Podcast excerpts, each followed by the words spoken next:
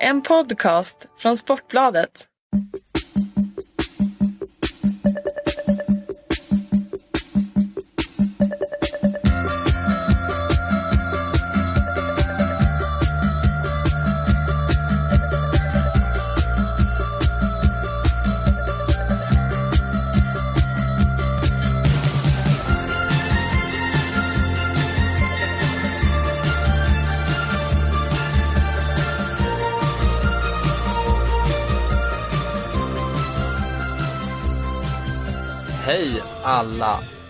Fotbollsvänner och alla ni andra som har väntat på ett avsnitt av Folkets podd i ungefär en och en halv vecka.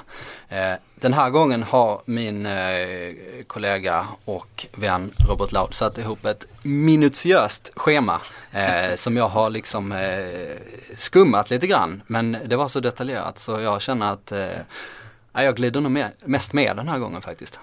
Eh, ja, tack så mycket för presentationen. Eh, 51% fotboll. Folkets podd. Eh, Robert Laul heter jag. Eh, tackar Oskar Månsson för de varma orden. Eh, ja, minutiöst och minutiöst. Jag vet inte alltså. Det, det, vi kan ju säga det direkt att det kommer vara ett väldigt fokus på Malmö FFs match mot eh, eh, Celtic här och deras andra raka Champions League-avancemang. Vi ska naturligtvis diskutera den matchen men vi kommer ta lite bredare perspektiv också. Åge Hareide öppnar ju på presskonferensen för att här, här nu ska det det värvas allsvenska spelare. Eh, vi har våra listor på vilka vi tycker eh, att Malmö bör i så fall plocka. Eh, vi tänkte gå igenom varför är det just Malmö och inget annat av, av topplagen som lyckas göra det här nu. Det här är ju ändå någon form av historia som skrivs i, i, i dessa timmar. Eh, vi ska titta på nyckelfigurerna givetvis som ligger bakom den här eh, den här fantastiska framgången som MFF har. Men vi kommer förstås också att titta på eh, Stockholmsderbyt, guldstriden i Allsvenskan, bottenstriden. Det är ett par lag som har hamnat i ett ingenmansland här nu.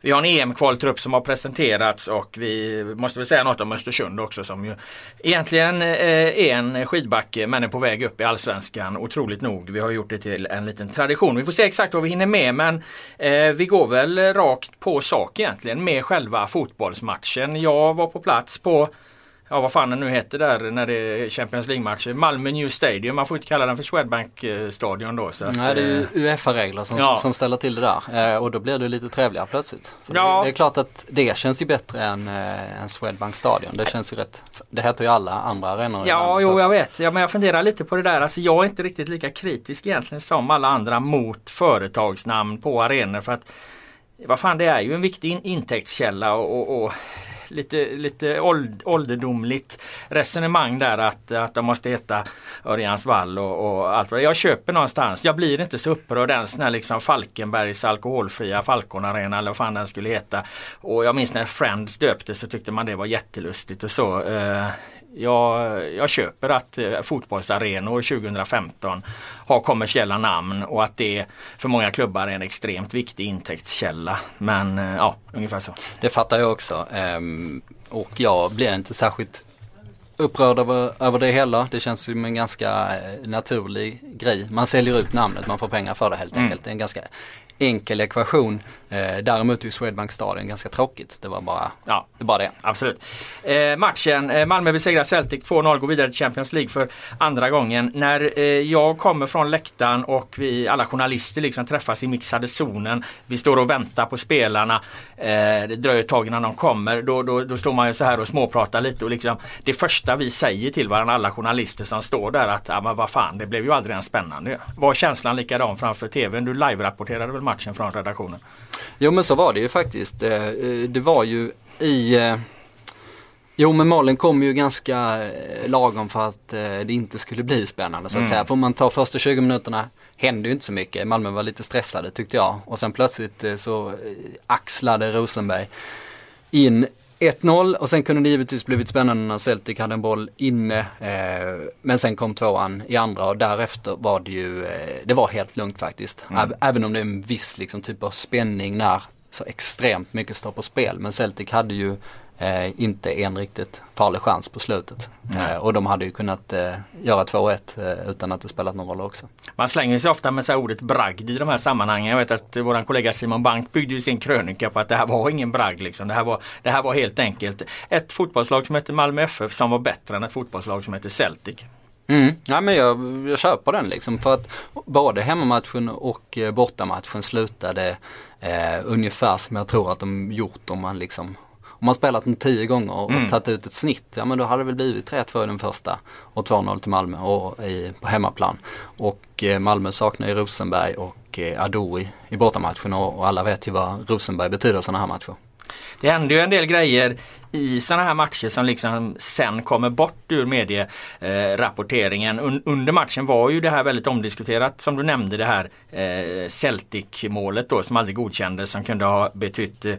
Eh, Jag märkte det framförallt på sociala medier. Efteråt var det ju egentligen ingen diskussion om det eftersom det ändå blev eh, eh 2-0. Det var ju väldigt delade meningar om varför eh, domaren blåste av och jag vet än idag inte den exakta förklaringen men hur jag upplevde det på arenan är ju att han blåser innan eh, allt annat händer. Långt innan bollen är i mål. Han blåser för att Griffiths backar in i vilan.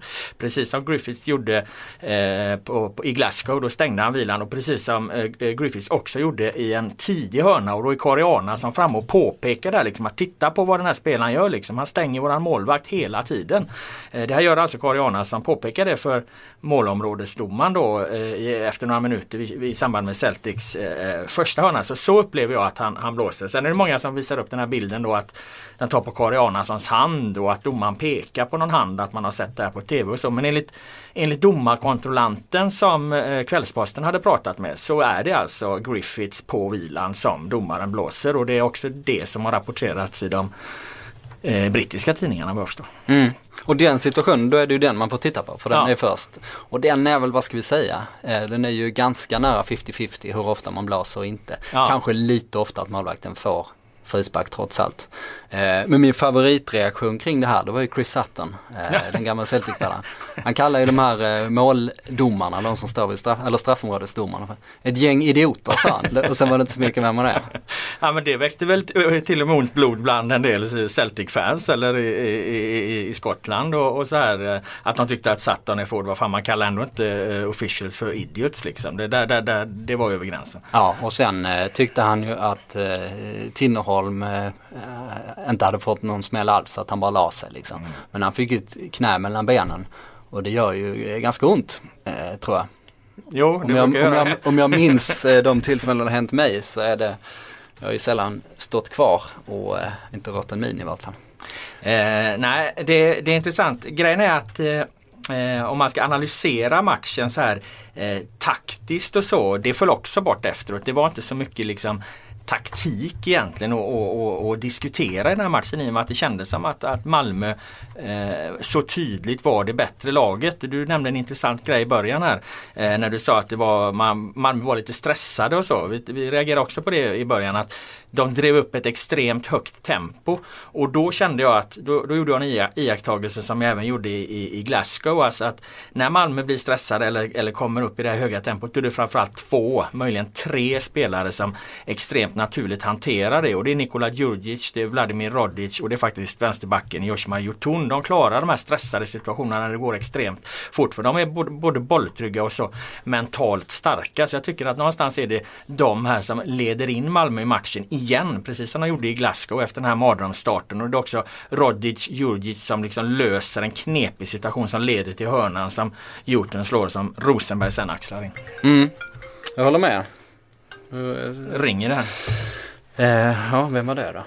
Det, det, vet man inte. Jo det var sånt här växelnummer. Jaha, då ska man aldrig svara. Ja, då är det livsfarligt. Då är det någon rättshaverist som ska skälla ut den eh, för någonting. Um, jo, jag håller med. En eh, till grej kring det här, alltså ordbråket bara, eh, som vi måste ta upp som var jäkligt eh, underhållande var ju Åge Hareides eh, presskonferens när han ilsket läxade upp eh, skotska The Sun när han förklarade att eh, gris på svenska inte betyder pigg på engelska. Eh, vilket man kan ju tycka att Ja, det betyder faktiskt det. Ja. Eh, det är möjligtvis att det kanske är lite hårdare just i ett sånt sammanhang på engelska men det var ju liksom ingen så här galet övertramp. Men det var ju just den här, hela den här eh, processen som eh, Hareide har liksom bemästrat så bra i Europa hela tiden. Att han liksom piskar upp stämningen hela tiden och, vet att desto högre tongångar, desto mer käns känslor det finns inför returen så kan vi själva utnyttja det och vi sätter lite skräck i motståndarna också. Eh, och det är ju en faktor som man har sett genomgående att den taktiken har ju funkat varje gång. Ja, jag reagerade på när han bara vevade här eh, Pigg. Eh, ja, du var där på presskonferensen? Ja, jag var aldrig på presskonferensen. Okay. Men jag, när jag hörde om den så reagerade jag på att han gjorde det för andra gången. För han gjorde det först eh, efter Häckenmatchen läxade han upp en skotsk journalist. Och sen gjorde han ungefär samma sak då eh, två dagar senare när det var in, inför matchpresskonferensen. Eh, så jag undrar lite varför han vevade där hela tiden. Men då satt ju Marcus Rosenberg bredvid och han fick ju frågan då vad, vad, vad han tyckte om det här. Och han garvade ju bara och sa att ja men det är väl kul med Åge. Det händer alltid någonting liksom. Så att jag menar, att det verkar ju som spelarna gillar det här. Vad fan, de tycker att det är kul när det, när det blir lite, när det blir lite ståhej runt omkring också. Åtminstone de här erfarna spelarna. Och Malmö har ju en, trots allt en hel del erfarna spelare som antagligen kan köpa det här och, och, och gillar att det pumpas upp en, en, en, laddning och så vidare. Ja, men Rosenberg erbjöd inte en alternativ översättning då? Vad, vad gris betyder på engelska? Eh, nej, det, det, det gjorde han inte. Men jag, jag rycker ju ändå ut till vilans försvar här. Jag menar, för oss är det väldigt naturligt att, att prata om grisspel och så. Det, det snackar vi om hela tiden. Att eh, fan vad de grisade och, och, och så. Det uttrycket finns väl inte eng Pigplay finns det väl ingenting som heter nej, men han... i, på engelska liksom. Nej, men han sa ju att de var ett ja, jag vet. Det är det, han gör ju felet. Han säger så här, de är grisar allihopa. Hade han sagt de grisar allihopa, han skippat det där, de är grisar allihopa, de, de grisar allihopa. Då hade nog britterna fått svårare i alla fall att dra, slå på den stora gris, eh, slå på det stora grisskinnet. Ja. det är så jävla roligt med Vilan också för att jag menar, han har ju synts i medierna två gånger i sitt liv. Eh, först blev han ju rövbombad under EM 2012. Ja, just det. Och för, nu slog nej, han på det stora grisskinnet. Nej, först blev han rövbombad EM 2012. Det här hamnade i världspressen. Varför blir han rövbombad? Jo, för att han förlorar en gris. Ah. Eh, alltså, och gris i mening det här där man står och jonglerar med bollen och, och den som tappar ner den flest gånger. Eh, sen är det total tystnad, total medieskugga i typ eh, tre år eller vad det blir. och nu är han ute och liksom får liksom gå ut i Reuters och förklara sig. Världens största nyhetsbyrå får han sitta och förklara vad han menar med, med det här. De är grisar allihopa i, emellan matcherna. Så han, han, han väljer verkligen sina strider när han ska synas där. Men man kan säga så här, han såg ju pigg ut under matchen. ja, undrar vad nästa steg på vilan är då? Uh, han kommer ju... Uh, ja, vi frågade han efter matchen. Uh, vad, vad fan säger du nu då? Vad ska du dra till med nu? Nej, nu säger jag ingenting. Så, Nej. så att nu ligger han lågt ett par år igen. Han skulle ju kunna bli en betydande röst i någon, någon slags här jordbruksdebatt eller så här grisuppfödningsdebatten och sånt. Om de behöver ett ansikte utåt kanske. Många brittiska tidningar spann ju på det här. De, det var någon som hade någon rubrik att de spelade varken som, som grisar eller lejon utan som möss. Så att det var ju liksom så här tacksamt att, att gå vidare på med, med olika liknelser. Ja och de ville väl göra bacon av Malmö mm. inför och så vidare. Eh, Desan hade nog inget emot att få en eh, halv, eller helgalen eh, norsk tränare som eh, eh, Eh, bara är arg och halvt obegriplig. Det, om man vet hur The Sun jobbar så det är inte ett problem för dem kan man säga. Nej, nej, nej. Om vi backar till matchen där då. Eh, något mer värt att vem liksom från, från läktaren så upplever jag att det är liksom man, man, man of the match liksom. Den, den, den, stora spelaren då förutom i målen är ju Nikola Djurdjic någonstans. Jag har aldrig sett en fotbollsspelare vinna tillbaka så mycket bollar, ta, stjäla så många bollar och sen göra något konstruktivt av det. Jag tyckte han gjorde en oerhörd match hela, hela vägen. Mm. Det är intressant tyckte jag. Eh, jag såg den som sagt på tv och eh, direktrapporterade den eh, hemma från tv-soffan bara. Ehm, och jag fick ett intryck och dels så har man ju en jäkla massa folk som är inne och kommenterar och sånt och jag tyckte ju att Berget och Jotun var de eh, främsta spelarna och det verkar folk hålla med om där. Mm. Men när jag tittar betygssättningarna i de båda tidningarna Eh, Som var på plats då? Ja, mm. så såg det annorlunda ut. Eh, då var det istället eh, Djurdjic, Rosenberg och Lewicki tror jag det var som, de fick nog femmor på båda tror jag det var. Nej, Ado, inte, inte Lewicki va? Ah, Okej, okay, då körde Expressen ja, tvärtom. Ja, för ja. de körde fem Lewicki, fyra okay, Ado. Men eh, vi hade fyra. jag har inte dragit någon slutsats av det men jag har tänkt på det innan att eh, ganska ofta när man är på plats har man inte samma bild som eh, när man ser dem på TV. Man får, man får, ett annat, man får liksom en redigerad bild på TV. Ja, man lägger ju mer vikt vid eh, eh, spelet utan boll eh, när man är på plats. Alltså i TV så följer du egentligen bara spelet med bollen. Att man lägger, sätter en automatiskt en större betydelse för vad spelarna faktiskt gör också när de inte har bollen. Jag menar fotbollsmatch eh, spelar du ju i 90 minuter och vad har du i bollen i, i snitt eh, en minut. Mm. Messi som har den en och en halv. Ja om man är jävligt eh, noggrann med formationer om spelare byter kant till exempel yttra mm. eller vad det nu kan vara. Det lägger man märke till direkt när man ser en match på plats men det gör man mm. inte på TV. Eh, för då har du inzoomningar och repriser och lite allt möjligt. Eh, så eh, alltså det man vinner i detaljer så man förstår helt enkelt vad som händer till exempel eh, ja, när Celtic fick sitt bortdömda mål. Ja, du fattar du på tvn för du får en repris serverad. Mm. Eh, men du tappar de stora dragen. Mm. Eh, om man liksom ska ta det, det, det, det liksom lite mer överskådliga greppet på det Malmö FF har gjort här då så måste man, jag tycker man måste nästan börja då i att Eh, Eh, det mest imponerande är ju att det laget som Malmö startar med igår, det är tre spelare kvar från det laget som gick till Champions League för ett år sedan. Det är Tinnerholm, det är Ado och det är Rosenberg. Visst jätteviktiga spelare, jätteduktiga spelare men alltså åtta nya namn som har kommit i olika perioder här. Så att eh, där har man väl liksom själva kärnan i, i beskrivningen av, av det fantastiska. Om man då inte pratar om bragder liksom i själva matchen men bragden Malmö har gjort liksom det är ju att få ihop de här nya spelarna från jordens alla hörn till ett lag som tar sig till Champions League. Det, det är ju den stora bedriften. Ja det är det verkligen och, och den eh, är nog jäkligt mycket svårare än man tror. För att eh, även om eh, Malmö har eh, möjligheter som ingen annan svensk klubb och plocka in spelare och erbjuda högre löner och så vidare så eh, konkurrensen om internationella spelare, där står de ju sig ganska slätt ändå. Mm. Eh, till exempel Rodic, där vi har pratat om det, att till exempel Atletico Madrid var sugna på honom. Nu var det, där var det rätt mycket Rodic eh, egna övertygelse som gjorde att han ville gå till en klubb där han tog nästa steg, utvecklades. Eh, men de måste ju ha sålt in konceptet jäkligt bra mm. och de måste ha haft koll på den här spelaren tidigt och eh, lyckats övertyga honom om att ta ett rätt stort steg ändå. Plötsligt mm. flytta till Sverige där som man förmodligen liksom inte har någon uppfattning om överhuvudtaget. Eh, Carvalho är ju bara en helt galen galen historia hur de hittar honom han, någonstans. Han är en bäst sa Viland. Viland fick frågan om varför de hade så lätt att försvara sig på slutet. Ja men vi hade Cavallo inne. Han, han kan ta hand om fyra personer på egen hand. Det var ingen idé de slog långbollar. Så han jämförde eh, Cavallo med en bäst där. Man kan tycka att Viland kanske ska vara lite försiktig med sina eh, så här eh, liknelser så. Men den, den här ja. var ju mer positiv så att det var ingen fara. Han är en gris säger Viland. en galt. ja det kan du ha sagt. Eh, nej men Cavallo, nu har man inte sett honom så mycket och mittbackar är sådana som man, man behöver se dem över tid. Eh, för att det viktigaste är ju att vara jämn på något sätt men eh, av det som jag har sett så är jag ju helt såld på honom. Jag tycker han är deras bästa mittback eh, redan.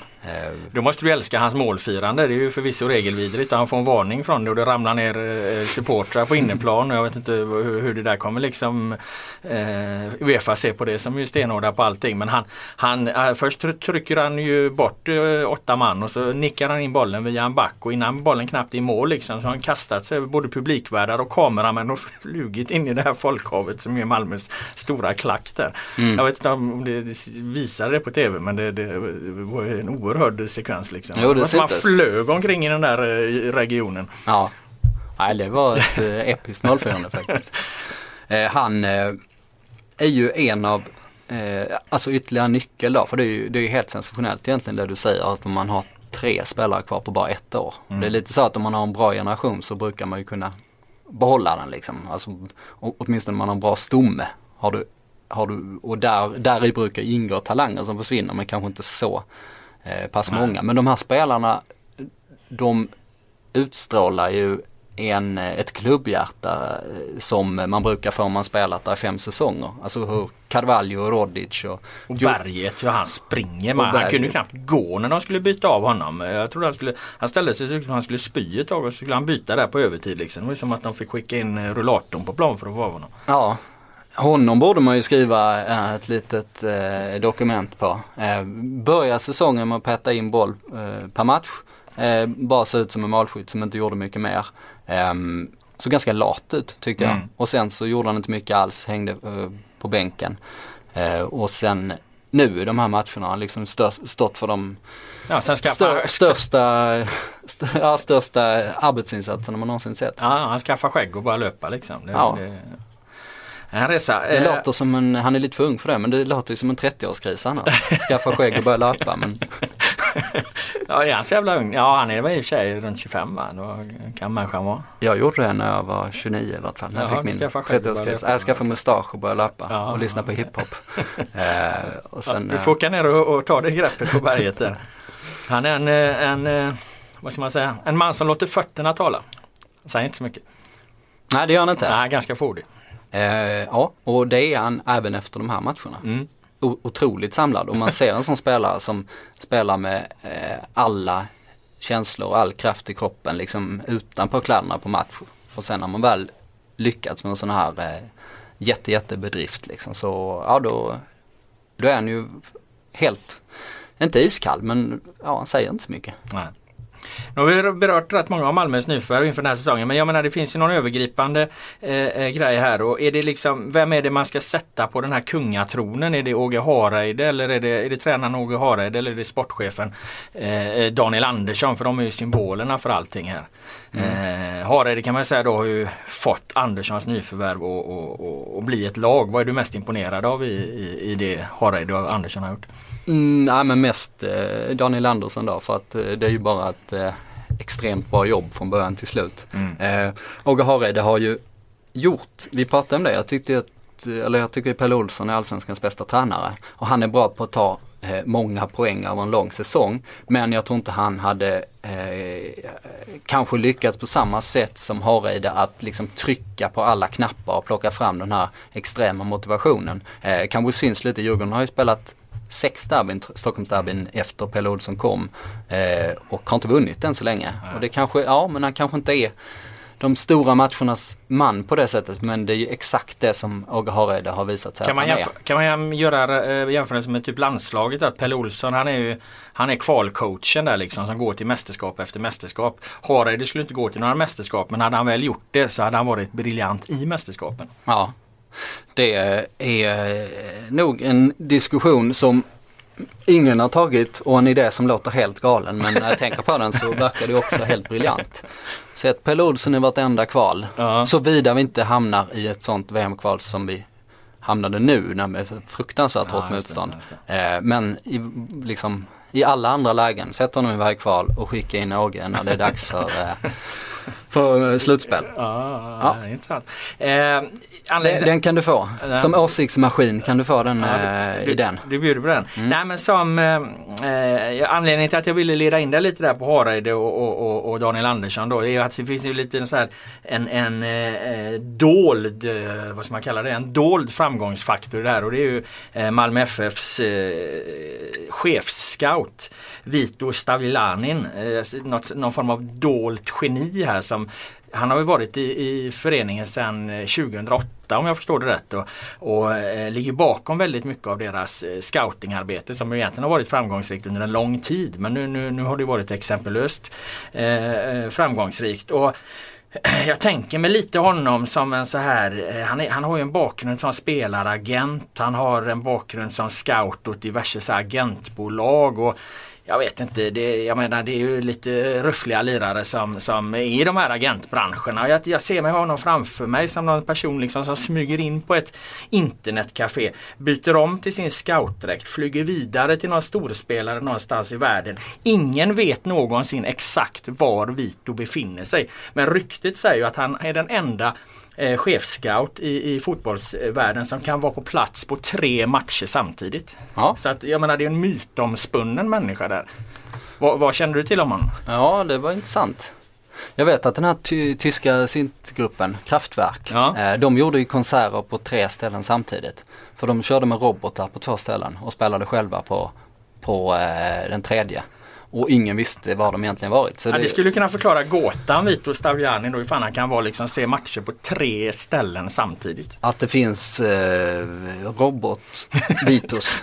Eller han bara body doubles Ja, som eh, det. och sånt kan ha. Han, han, han säger ju det liksom att en av nycklarna till Malmös eh, framgångsrika värvningar då det är att de har alltid fyra stycken backuper per spelare som eventuellt kan försvinna.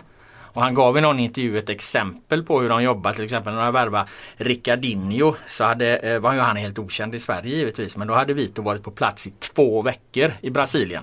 Avslöjar han ju efteråt då eftersom ingen vet ju exakt var han befinner sig. Och, eh, och han kan ju också ha varit på ett par andra ställen samtidigt som han var i Brasilien. Men han var i alla fall i, Brasilien i två veckor innan dåvarande assisterande tränaren Hans Gren kommer ner för att göra den sista slutbesiktningen av, av Ricardinho. Då har Vito varit på plats där länge, liksom byggt upp en relation och sett hur han fungerar i sin miljö och så vidare. och Så vidare. Så att det, det är ett jäkla gediget arbete de gör. Mm. Daniel Andersson sa ju det via studion igår. Jag vet inte om du hörde det men där påtalar han verkligen också hur mycket de det här året har varit tvungna att jobba. Och när Daniel Andersson säger att han har, har, har fått jobba så mycket så han börjar tappa hår nästan. Då kan man ju tänka sig hur mycket Vito har slitit. Mm. Vito har inget hår i och för sig. han har redan tappat det där. så, man så kan, han har inget hår att, att man, tappa. Man kan inte dra några omedelbara slutsatser av det.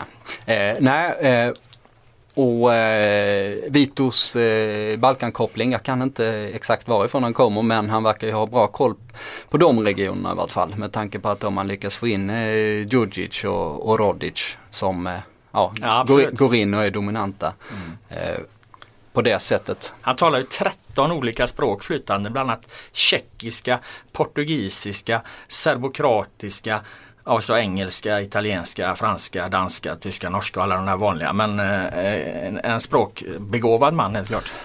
13 nej, men, nej, jag, jag tror vi måste syna det. Kanske inte riktigt 13 men det var fan var det. Det var så här tjeckiska, serbokratiska, portugisiska och engelska och svenska.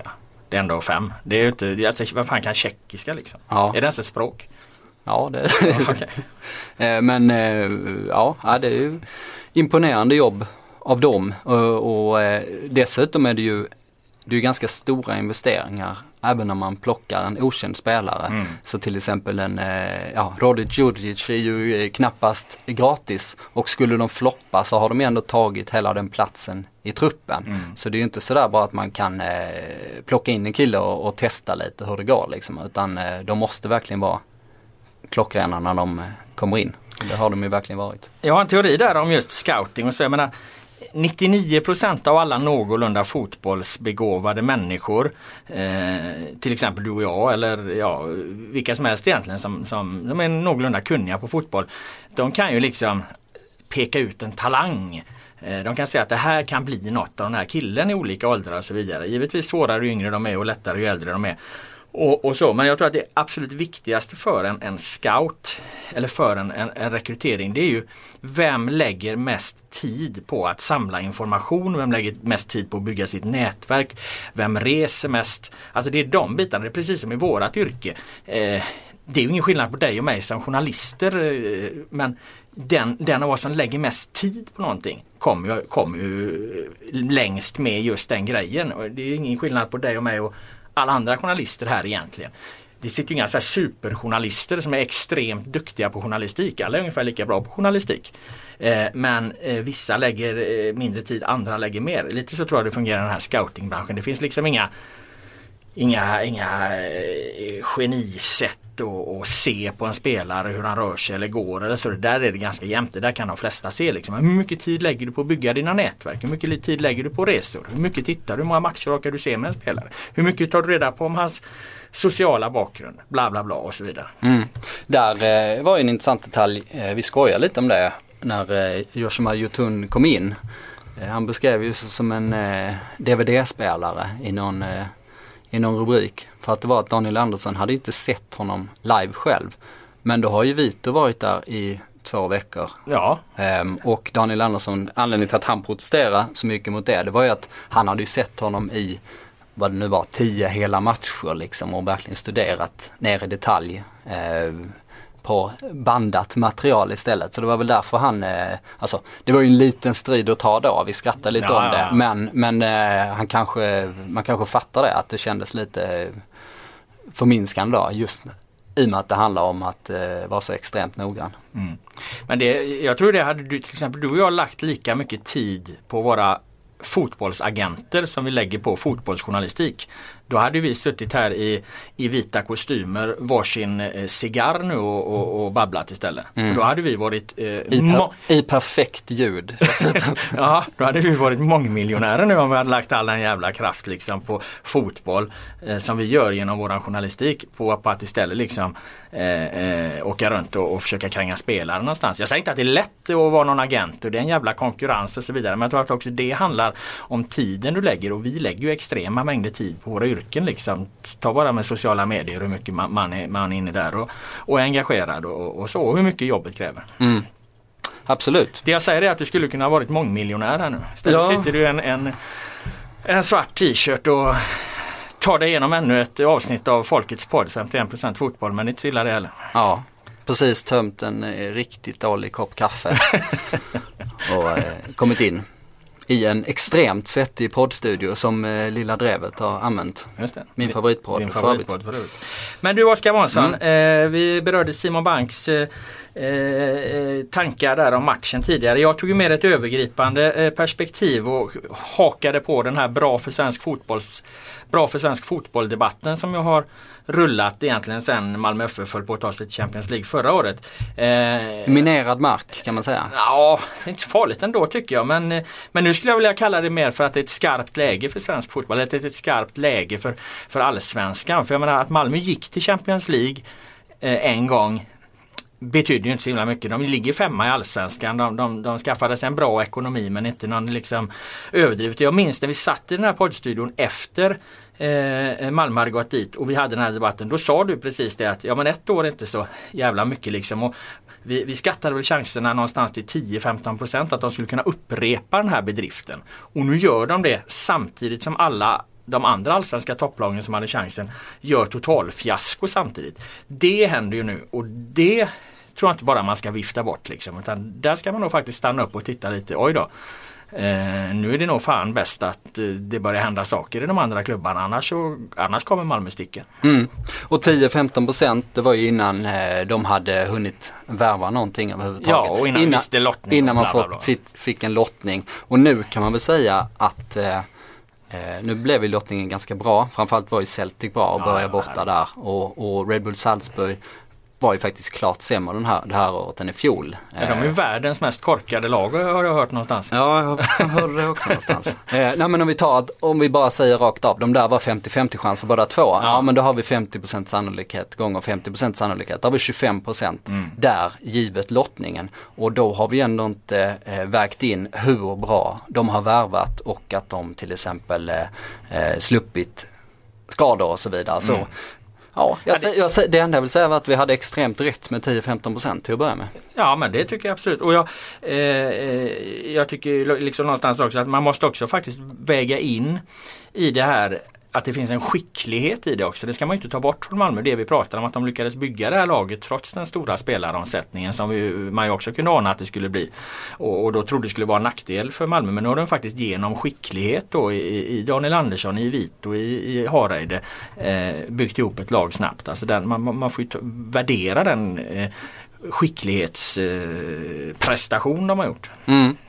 Och sen är ju baksidan eh, jäkligt tydlig också. Man har slängt ihop ett lag för att kunna eh, ta sig till Champions League. Mm. Man har lyckats med det. Eh, men man har ju också eh, eh, inte alls lyckats i Allsvenskan. Där har det här laget inte fungerat överhuvudtaget. Um, och det är ju inte så lätt när man plockar ihop ett lag på det sättet. Men det hade varit enklare om de värvat spelare från, från Skandinavien som var i matchform och som bara hade gått in på något sätt. Eh, ja, då kanske man hade gått bättre i Allsvenskan redan nu. För att nu är ju Malmö nästan, nästan körda igen för att vinna serien. Det har ju varit fram och tillbaka här men nu har de ju 7-7-5-5 eh, upp till eh, topp 4 där och eh, ja, 7 poäng går absolut att ta in men går det att ta in på fyra lag på det sättet ja, i frågan. Det, det, det är väldigt tveksamt och Hareide eh, pratade precis om det du säger på presskonferensen efter matchen där igår. Att han, han beklagar någonstans att det inte har gått att,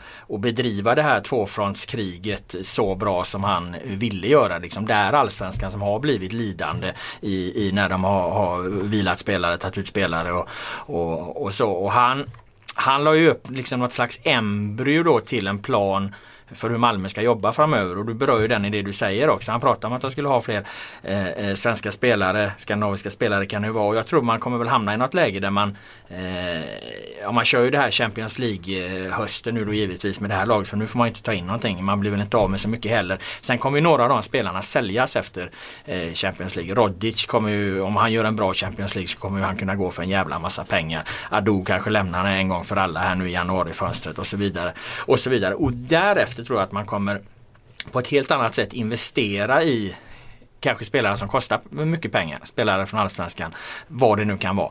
Eh, för att bygga en långsiktig bra trupp. Ge dem så mycket pengar, eh, de här spelarna som värvas in, eh, så att de inte kommer att flytta om typ PSV, vad ska vi dra till med? Något eh, bottenlag i Premier League av sig. Alltså, så mm. de, tur turkisk eh, Ja, de flyttar inte till Turkiet utan de får, de, får, de får så bra förmåner, de har så sportliga bra förutsättningar att de är i Malmö tills eh, det är Manchester United drar av sig. Ja men då så, då drar vi liksom. Mm. Så tror jag att Malmös plan ungefär kommer se ut. Att man försöker bygga ett lag med med spelare som då kommer kosta en hel del pengar för nu har man ju pengar att, att investera. Eh, men man också inte liksom hela tiden behöver bli av med. Mm. Så eh, funkar det för många eh, lag som är dominerande ligor. Om det kanske är ett eller två en eller två klubbar eh, som är klart bättre än de andra har mycket större resurser. Många av dem har ju lyckats behålla sin långsiktiga dominans för att man kanske Ja, om vi tar i svenska eh, mått mätt liksom. Ja, man köper en eh, Linus Wahlqvist. Eh, ja, man kan köpa honom för, för 10 miljoner. Eh, spelar honom i två år och sen så tror man att man kan sälja honom för 20 eh, två år senare. Att man liksom, ja man är beredd att betala för sig, man kan stå emot ganska länge. Men man har också jävligt goda chanser att göra pengar på det liksom. Eh, och det är ju den möjligheten som Malmö har helt enkelt. Mm. Eh, vi kastar om lite i körschemat här i och med att vi kommer in på de här eh, ja, ja. värvningarna där. För det är intressant, du nämnde Wahlqvist. Jag var inne där att vi, i och med att Hareide sa det i ett sammanhang som kunde antydas att de ska börja värva eh, allsvenska spelare av, av, sina konkurrenter så kan det vara intressant att, att, att se vad, vad, vi har för tips på det. Men jag skulle vilja ställa en fråga till er först där. För att eh, det har ju pratats då av de här som har kritiserat oss som tycker att det är bra för svensk fotboll att vi får ett lag i Champions League. Att det inte har blivit någon, vad kallar de det, trickle down effekt. Eh, själv har jag aldrig tagit upp det argumentet. Jag har inte sett någon annan göra det heller. För jag menar jag tycker inte det är odelat positivt att, att man köper spelare för någon konkurrent för då blir de försvagade till en konkurrent i samma liga. Visst de får pengar för det och det kanske är en bra affär och så men för mig var det aldrig något argument för att Malmös CL-avancemang var, var bra för svensk fotboll. Utan det är något annat. Men jag skulle vilja fråga dig vad du tycker. Är det bra eller skulle det vara bra att Malmö liksom börjar göra som IFK Göteborg gjorde på på 90-talet där liksom shoppa loss bland sina konkurrenter eh, hejvilt? Eh, ja, det är, det är ju det är frågan hur, hur pass mycket de gör det liksom. Ja. Eh, för å ena sidan eh, så är det givetvis eh, bra om, eh, om de kan värva inhemskt. Jag tror ändå att det finns en effekt där liksom framförallt för mellanstora klubbar. Det är bra när de köper till överpriser kan man säga. Det är ju någonstans bra för ligan. Ja. Om där, om det, men då är det ju, vill ju inte Malmö helst göra, vill ju inte göra några dåliga affärer. Liksom. Nej lite så, men och sen skickar det givetvis signaler till de andra klubbarna att de eh, måste helt enkelt bli bättre om de ska ta upp kampen. Mm. Eh, om de skulle bli för överlägsna så är det ju synd. För mm. att eh, vår liga i sig är ju så jäkla levande och härlig varenda säsong trots allt. Liksom. Man, man vet inte hur, det ska sluta. Um, och även om vi haft en kvartett nu som har varit bäst de sista åren så, uh, så, så, måste det inte bli någon av dem som vinner ens. Uh, ja. Vad tänker du där då? Eh, nej, jag, nej, jag säger bara att det är liksom inte, jag, jag vill inte använda det som ett argument att det är något eh, eh givet positivt med en trickle down effekt. Jag tycker inte man, man behöver ta med den i, i, eh, i resonemanget där huruvida det här var bra för svensk fotboll inte. För det innebär ju också något annat. Det innebär ju att eh, ens lag blir försvagat till en konkurrent. Men vi får se vad de gör nu. Det, det är ju intressant att de öppnar för det i alla fall. Att Harald öppnar för att man, man ska ha fler, fler spelare då från eh, kanske allsvenskan. Och eh, jag tänkte ju direkt på ett, jag kommer på ett gäng spelare som jag tror skulle, skulle kunna göra eh, bra i Allsvenskan. En frisk Rasmus Elm Tänk om du får tillbaka Rasmus Elm på, på hans högsta nivå på Malmö FF. Han skulle gå in i, i ett Malmö FF. Eh, jag tänker på om man blir av med Nikola Djurdjic eh, efter det här eh, kvalet eh, så har du en Emir Kujovic i IFK Norrköping. Skulle antagligen också kunna ta, ta steg med den storleken han har. Eh, talangmässigt så har vi kanske framförallt då Krim Mrabti och Arber Seneli i, i, i Djurgården respektive Elfsborg. Jättelovande, redan extremt duktiga fotbollsspelare som, som skulle kunna vara bra, bra på kanterna där. Eh, vi har en vänsterback i Haitham Alesami i IFK Göteborg som jag håller högre än Hjorten även om Hjorten har börjat växa här nu. Eh, du har det ytterligare en talang Linus Ahlqvist och en, en tredje fjärde talang i Gustav Nilsson, den stora 97an i eh, Falkenberg som ju det kan bli något väldigt fint om. Det är en gigantisk pjäs som är bra med fötter. Han är ju, nu för fan nästan född på 2000-talet. Ja.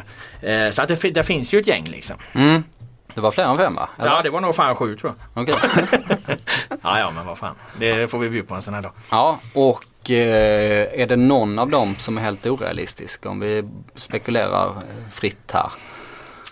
Nej, jag vet. Det beror, det beror, det beror ju på vad, vad buden är liksom. Det är klart att det ska ju jävligt mycket till om IFK Göteborg släpper sin eh, kanonvärvning eh, eh, Alesami till, eh, till konkurrenten. Det ska mycket till om, om, om Djurgården släpper sin och det ska mycket till om, om eh, Elfsborg släpper Sineli. Men Rasmus Elm, Kujovic, eh, eh, Gustav Nilsson, Falkenberg men framförallt kanske Elm, Kujovic. Om de nu vill ha Elm och det handlar om att han ska komma upp i, i sin gamla kvalitet. Men, men Elm och Kujovic ser jag definitivt som två absolut eh, bra värvningar till eh, Malmö beroende på var deras behov uppstår. Ja, jag ringde den. Ja. Nu var det David Fjell. Jaha, okej. Okay. Han vill käka kebab kanske. Åh oh, fan, ja han får återkomma.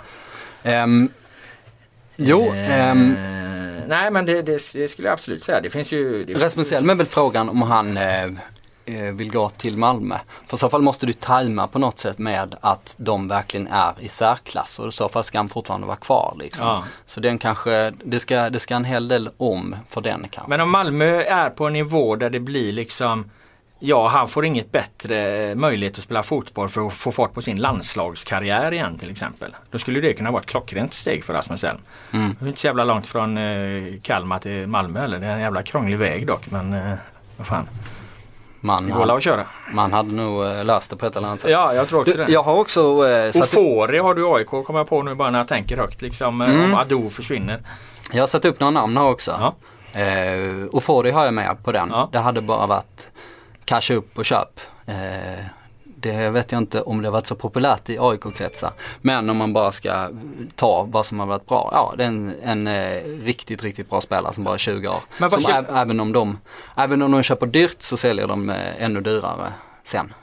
Men vad skulle AIK säga då om de får ett erbjudande från eh, PSV på 20 miljoner för, för Ofori. Och så får de ett erbjudande på 25 miljoner eh, från Malmö på Ofori för att Malmö vet att den här killen Fan han funkar jävligt bra här i Sverige liksom. Han har funkat extremt bra i ÖK. Han kommer funka bra här i, i, i, i Malmö också. Vi har studerat honom på, på nära håll och vi bjuder 5 miljoner mer än PSV och eh, en liknande lön. Mm. Då behöver inte ens en sån affär vara omöjlig. Nej, och det är i så fall en jävligt svår diskussion för AIK som givetvis eh, vill utmana Malmö. Ja, men eh. de måste ju också nästan någonstans ta hänsyn till det högsta budet. Mm. Ja, det kan ju bli intressanta sådana diskussioner. Nu spekulerar vi fritt här. Men... Ja, ja absolut. Och vi spekulerar ju en bit fram i tiden också ja, såklart. Men, eh, men det är bra läge att spekulera. Eh, Seneli har jag med också. Kujovic har jag med. Eh, Goitom har jag skrivit där också. Om man bara skulle plocka in en spelare som gjort skillnad direkt. Ja, just. Eh, den är väl helt orealistisk i och för sig. Eh, Linus Wahlqvist har med. Eh, Malmö försökte ju värva honom. Norrköpings högerback ska vi kanske säga för alla som kanske inte känner till honom. Men ja. Eh, med i U17-landslaget som tog eh, VM-brons där och, och, mycket duktig. Spelat ordinarie i allsvensk fotboll i två år nu och han är knappt 19 fyllda. Alltså. Ja, på fel position dessutom. Ja. Han är mittback från början. Så det hade ju varit en sån värvning som man nästan vet att den kommer falla väl ut på det mm. sportsligt och ekonomiskt. Eh, vänsterbacken där, Jotun har ju faktiskt eh, pendlat väldigt mycket. Mm. Eh, Riktigt bra mot Celtic. Ja, eh, överraskande bra. Eh, vi har ju pratat om att han är exakt likadan som Ricardinho och Ricardinho blev ganska avslöjad i Champions League i fjol. Mm. Det var verkligen på vänsterkanten det läckte för Malmö och det har ju varit exakt samma brist här med Jotun och samma förtjänster framåt och, och så vidare. Fram till igår egentligen. Exakt. Men vänsterbacken där, Jere Oronen, Helsingborg, tycker jag är underskattad. Har eh, många säsongers eh, A-lagsrutin, eh, född 94. Eh, spelar finska landslaget. Um, det. det. är en känslig övergång givetvis om, ja, det, om det skulle vara något. Men eh, det hade varit ett bra köp. Eller Adam Lundqvist från Elfsborg som mm. också är en underskattad eh, ung vänsterback eh, som man liksom kan vara, man kan vara rätt säker på vad man skulle få i så fall. Någon föreslog ju på Twitter när jag la ut det här Jordan Larsson från Helsingborg till Malmö. Det hade väl kunnat bli en av de mest känsliga övergångarna eh, någonsin i fotbollshistorien, i alla fall den svenska. Ja det får man väl säga. Den hade kanske, eh, ja det hade varit spännande för oss på kvällstidningen om inte annat. Um, han bubblare. Mm. Uh, Haksabanovic från eh, Halmstad. Jaha, han den extremt unge? 16-åring som eh, har precis varit och hälsat på i Manchester United. Bara om, man, om man bara skulle plocka de absolut största talangerna så kanske man skulle bara slanta upp ett stort eh, bud på honom. Säg 5 mm. miljoner vilket skulle vara extremt stora pengar för en, för en 16-åring. Eh, oavsett vilken talang man har så vet man inte var det tar vägen. Men man kanske skulle ha råd att göra den typen av eh, värvningar. Känns lite, de gjorde ju lite sådana där värvningar och tittar man på de här unga talangerna som har varit i Malmö så är det väldigt få ändå som har ens liksom, de har knappt gjort något, in, något inhopp de här längre. Jag, jag till för fan glömt av vad de heter. Kron och Cibicki och de tog han från Landskrona där. Ja, Erik Andersson. Erik Andersson. Eh, det har inte blivit någon speltid alls för dem i, i princip. Nej, att, och det är ju lite nya tider på så sätt för att både eh, Kron och eh, Cibicki har varit väldigt missnöjda med, med mm. sin situation. Och i alla andra lägen som det varit innan oavsett om man spelar i den bästa klubben i Sverige. Eh, så hade man ju fått chansen om man varit egen produkt och, och nått den nivån som de har gjort. Men det har inte funnits plats för dem helt enkelt. Och, och, och Hareide var ute och kritiserade dem också så, eh, för att ställa högre krav liksom. Så, så det är ju en eh, effekt av det där. Man kan, man kan ju trots allt inte plocka in hur många unga spelare som Nej. helst heller för att eh, det finns ett begränsat utrymme. Och eh, det är ganska svårt att spela ett lag i till exempel eh, allsvenskan och ett i Europa. Det är, mm. det är många steg innan man kan göra det faktiskt. Ja, men det, med just de här är det ju speciellt för att både Krono och Cibicki hade ju, hade ju liksom en del avgörande roller i Champions League till och med förra året. Mm. Krono gjorde väl inhopp, viktiga inhopp i kvalmatcherna där förra, förra året va? och nu är han så långt borta då. Mm. Men om man ska göra business av det så eh, då plockar man in unga spelare. Man kanske betalar en slant i övergångssumma och sen lånar man ut dem två säsonger och ser vart det leder. För man kanske har de ekonomiska marginalerna mm. helt enkelt.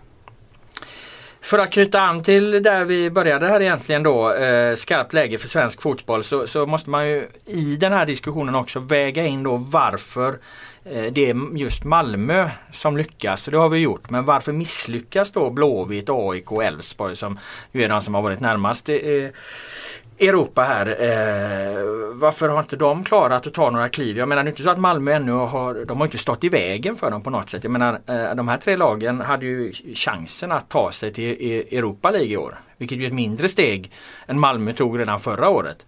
Men ingen av dem eh, var när liksom at the end of the day eh, skulle sammanfatta det här så, så var de, hade de varit särskilt nära. Det var väl Göteborg som var närmast. Mm. Ja, nej Göteborg hade lite marginaler mot sig. Möjligtvis Elfsborg också om de haft en liksom eh, total stolpe in eh, flyt där mot Odd från Norge. Eh, AIK var inte ens nära. Eh, de, eh, ja, de förlorade med 3-1 hemma och sen var det kört helt enkelt. Så eh, det enkla svaret är att de har varit för dåliga helt mm. enkelt. Det finns eh, ingenting att skylla på. Nej. Utan det är liksom ett faktum att de inte har presterat tillräckligt bra för att gå till Europa League. Det är liksom inte, inte så mycket mer att yvas om där. Sen, sen kan det bestå, bestå av många saker mm. framåt. Och de sakerna tänkte jag, för jag har förberett mig lite på den här punkten. Jag tänkte eh, ta dem varför IFK Göteborg inte lyckas, varför AIK inte lyckades och varför Elfsborg inte lyckades. Plus att jag ska leverera en dark horse och, så, och så ska du få, få, få dissekera det här. Så att, mm. eh, då lutar jag mig tillbaka luta nu då. tillbaka och flyt med då. Anledningen till att IFK Göteborg då inte lyckas eh, eh, så sätter vi ner liksom foten var IFK Göteborg befinner sig. Eh, det är ett ganska nytt bygge. Det är ett intressant bygge men eh, i närtid tid med en alldeles för dåligt skött ekonomi senaste åren. Man utnyttjar inte sin fulla potential i staden Göteborg och det är någonstans som vi ska gå in på detaljer totalt underkänt att inte hitta Lasse Wibers ersättare. Det är klart att det är okej okay att man säljer Lasse Wiber för man var i ett läge då han ville iväg och det var läge att göra det och, och, man fick en del pengar för det. Men att man inte har en ersättare klar när man har vetat att Vibe eh, ska gå så länge måste ju bli ett eh, rejält och detaljerat underbetyg åt sportchefen Mats Gren. För att Vibe, de hade ju ingen anfallare på plats till de här matcherna mot Belenenses. Ingen ersättare till Vibe i alla fall. Mm. Um, ska jag ta den första? Ja, du kan väl hugga på den om du vill. Ja, nej men eh, okej, okay, men jag delar ju din uppfattning helt och hållet här. Um, med Göteborg, tyvärr, det blir inte så bra dynamik när man sitter och håller med, håller med varandra. Men eh, Mats Gren har ju varit bra på att hitta, locka hem eh, hemvändare, har hittat en hel del bra spelare. Men det långsiktiga transferbygget har varit underkänt tycker jag. Eh, och det kan man ju se i bokslutsrapporten och jag tror att Göteborg kommer ha röda siffror ganska länge trots då att de sålde Vibe. Eh, I fjol till exempel då eh, gick jag ut och såg eh, värvningen av eh, Mai Malango. Eh, om någon minns det. Det fick jag mycket skit för. Eh, men det var för att han skrev ett eh, ettårskontrakt. Eh, väldigt hög sign-on, hög lön, kom småskadad. Eh, och man visste att han eh, kommer hålla väldigt hög kvalitet om han är skadefri från sommaren och framåt. Sen går kontraktet ut, man får inte en krona för det och man har gjort en stor investering. Det var liksom, ja så kommer det bli. Ehm, för att Malango vill vidare men eh, en, en, en tillfällig skada gjorde att han inte hade de alternativen. Eh, precis det där sättet blev det och då är liksom, ja man får in en jättebra spelare som eh, åtminstone eh, till hälften av tiden han är där kommer att prestera väldigt högt. Eh, men den andra parametern, eh, ja vad kostar det och vad får man tillbaks i slutändan? Mm. Och det är väl det som har varit Göteborgs problem då tycker jag. Mm. Ja, då tar man ju inga Malmökliv liksom om, om, om verksamheten hankar sig fram på det sättet du, jag vet du beskriver att, där. Liksom. Ja, det är lite det jag är inne med, med på Viba att det inte finns liksom en, en, en, När man har så lång tid på sig så måste man kunna kräva att, att du i alla fall har en, en etablerad anfallare på plats. Att du ger en, en ärlig chans då när i de här viktiga kvalmatcherna. Ja. Eller också får du skriva ett avtal så att Vibe spelar de här två kvalmatcherna. För det fanns ju inget kval som hans eh, andra ligalag i England skulle spela. Så, så är det inte helt ovanligt att, att man gör att eh, spelarna även om de liksom, man är överens med en klubb så, så kommer man överens om att eh, ja, de kör de här matcherna. Man skär ner lite på, på beloppet in då. Så. Ja. Och det där är svårt, det har vi sagt många gånger. Men har man en Vito så kanske man har en anfallare med ett treårskontrakt den eh, dagen vi besticker. Mm. AIK då. Eh, bra sportslig ledning. Eh, Andreas Alm, Björn Westström plus teamet runt laget bra. Här finns en stor potential i den här stora klubben. Men en kedja är aldrig, aldrig starkare än sin svagaste länk och jag har lite svårt att se AIK ta nästa stora steg med nuvarande klubbledning styrelse. Får man kolla vilka som sitter där med ordförande Johan Segui i spetsen så känns det inte här som några liksom fotbollsvisionärer eller klubbbyggarvisionärer. Eh, sen tycker jag man ska lägga till då att AIK känns kanske inte heller som en klubb som vill vara den här helprofessionaliserade Champions League-klubben som tar ett Malmö-steg. De kanske liksom håller andra värden högre med ett större supporterstyre. Att man tar ett guld då och då. Liksom. Det är rätt få guld de senaste vad är det, 70 åren där. Men man ligger ändå oftast bra till i Allsvenskan och är ju alltid laget som får mest rubriker i medierna och stort och, och smått liksom. Och de är namnet på många släppar. Mm. Ja, jag får väl ge det rätt igen då. Ja. Ehm, eh, dåligt skött ekonomi kan man säga. Eh, syns också i boksluten. Driften går minus hela tiden. Eh, exakt vad det består i vet jag inte men eh, man bör eh, kunna göra det bättre helt enkelt om man, om man har förutsättningar man har liksom med eh, publikunderlag och att man är en Stockholmsklubb med en väldigt unik position. Eh, och då måste man ju känna, på många sätt. Då måste man ju titta högst upp någonstans för det, det är ju där det styr. Jag menar för att Andreas Alm är ju ingen dålig fotbollstränare. Hej, jag Ryan Reynolds. På Mint Mobile, we like to do the opposite of what Big Wireless does. They charge you a lot. We charge you a little. So naturally, when they announced they'd be raising their prices due to inflation, we decided to deflate our prices due to not hating you. That's right. We're cutting the price of Mint Unlimited from $30 a month to just $15 a month. Give it a try at mintmobile.com slash switch. $45 upfront for three months plus taxes and fees. Promo for new customers for limited time. Unlimited more than 40 gigabytes per month. Slows. Full terms at mintmobile.com.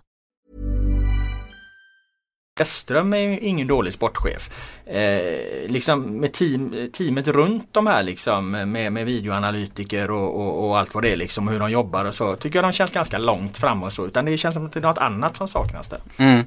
Och eh, med den här ekonomin, ja då måste man ju, eh, då måste man eh, lösa det på något, alltså då måste man komma med halvlösningar istället för att verkligen göra investeringar som man tror på. Ja men då fick ju AIK fega lite nu i vintras när de värvade. Mm. Ja de plockade in en Brustad som, eh, sig varit väldigt formsvag, han var ju bättre i Norge men man visste ungefär vad han, vad han gick för. Man tog en Hauker Haugsson som den långsiktiga lösningen på Eh, på högerbacken istället för kanske gå in med riktigt eh, tunga namn där och man lät eh, en mittbacksposition eh, vara öppen då för eh, Sonke Sundberg som är en stor talang men som, eh, ja han, han håller ju inte riktigt eh, mm. den liksom konsekventa nivån av en säsong.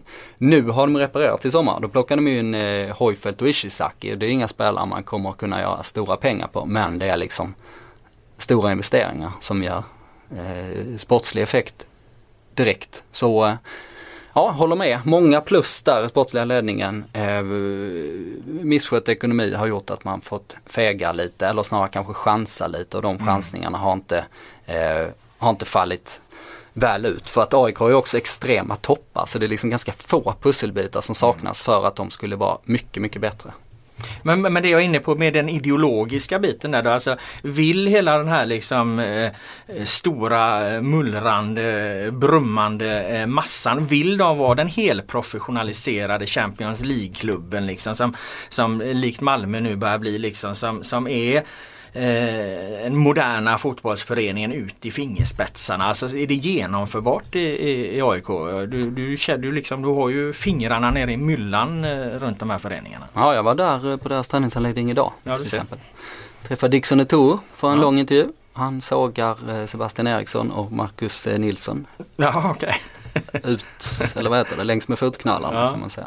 Det blir en intervju som jag skriver. Men, eh, men vad tänker du på? Vilka bitar? Nej, jag, rent spår, konkret? Liksom, nej, det man... Spår, spånar mest eh, fritt. Jag menar det, det kräver ju någonting. Det, man måste göra avkall för, för, för någonting om man ska om man ska göra eh, den resa Malmö FF eh, gör känns det som. Eh, det, där har du inte alls liksom lika starkt supporterinflytande till exempel i, i Malmö som du har utan där har man ju satt ett, ett, en styrelse liksom som, som sköter det. Visst det, det är väl lite folk i Malmö med Tony Ernst och sådana här liksom som, som kommer men det är inte alls den liksom föreningsdemokratiska diskussionen med, med motioner och, och, och så vidare. Mm. Ja. Det var en känsla jag Ja, det är ju, AIK är ju en ska man säga, en levande organism på något sätt. Eller liksom, eh, ja, som eh, rör sig åt lite alla möjliga håll Ja men det är lite det jag menar. Det är lite det jag menar att de, de rör sig lite åt olika håll hela tiden. Ja, det var ju Simon som sa det tror jag att, eh, eh att de är i konstant kris på mm. något sätt. Att antingen så är de i ett, i ett, krisläge där det går jobbigt eller så är de i en hybriskris. alltså det vill säga en positiv kris men nästan liksom ett hysteriskt tillstånd liksom sådär. Um, ja. ja. Fascinerande. Eh, Elfsborg eh, då. Om vi tar det laget så ska du få dissekera min, min bild av dem också då. Eh, varför de inte eh, klarade att göra eller har klarat att göra det Malmö har gjort och varför de inte klarade att gå till Europa League. Här. Jag tror liksom att Elfsborg de maxpresterar ju för att vara från en stad som Borås. Eh, jag tror inte Elfsborg kommer bli en förening som dominera svensk fotboll eh, på något sätt. Jag kommer vara lika imponerad om de fortsätter att spela till sig Europaplatser, utveckla egen, egna spelare, Eh, var vara en nagel i ögat på, på storstadslagen.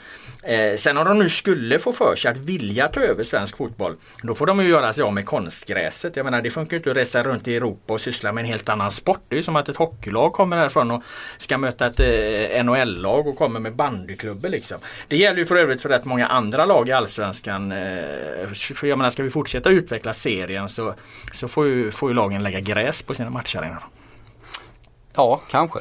Eh, ja, jag tycker om konstgräset som träningsunderlag och alla de fördelar, fördelar det ger över ett år. Men eh, absolut, nej tyvärr så måste jag hålla med det helt och hållet igen. Alltså för, att, för att jag har också en känsla av att de maxpresterar. Eh, Elfsborg gör det Vilket är jävligt positivt. Ja, Elfsborg gör det väldigt, väldigt bra. Och de är framförallt skickliga på att eh, hitta eh, talanger ute på vischan och sälja in sitt koncept och utveckla dem från eh, eh ja, sena tonåren till att skolas in i laget och sedan säljas vidare när, när, när tiden är mogen. De har gjort det väldigt bra. Frågan är hur de skulle göra då. Alltså givetvis måste de öka sin omsättning. Mm. Men jag dömer höja, ut, sin, höja sina lönekostnader. Jag dömer ut det. Jag säger det är inte möjligt för Elfsborg att, att, att, att bli ett Malmö. Nej. Det är liksom min grundtes där. Mm. Är jag för hård då eller?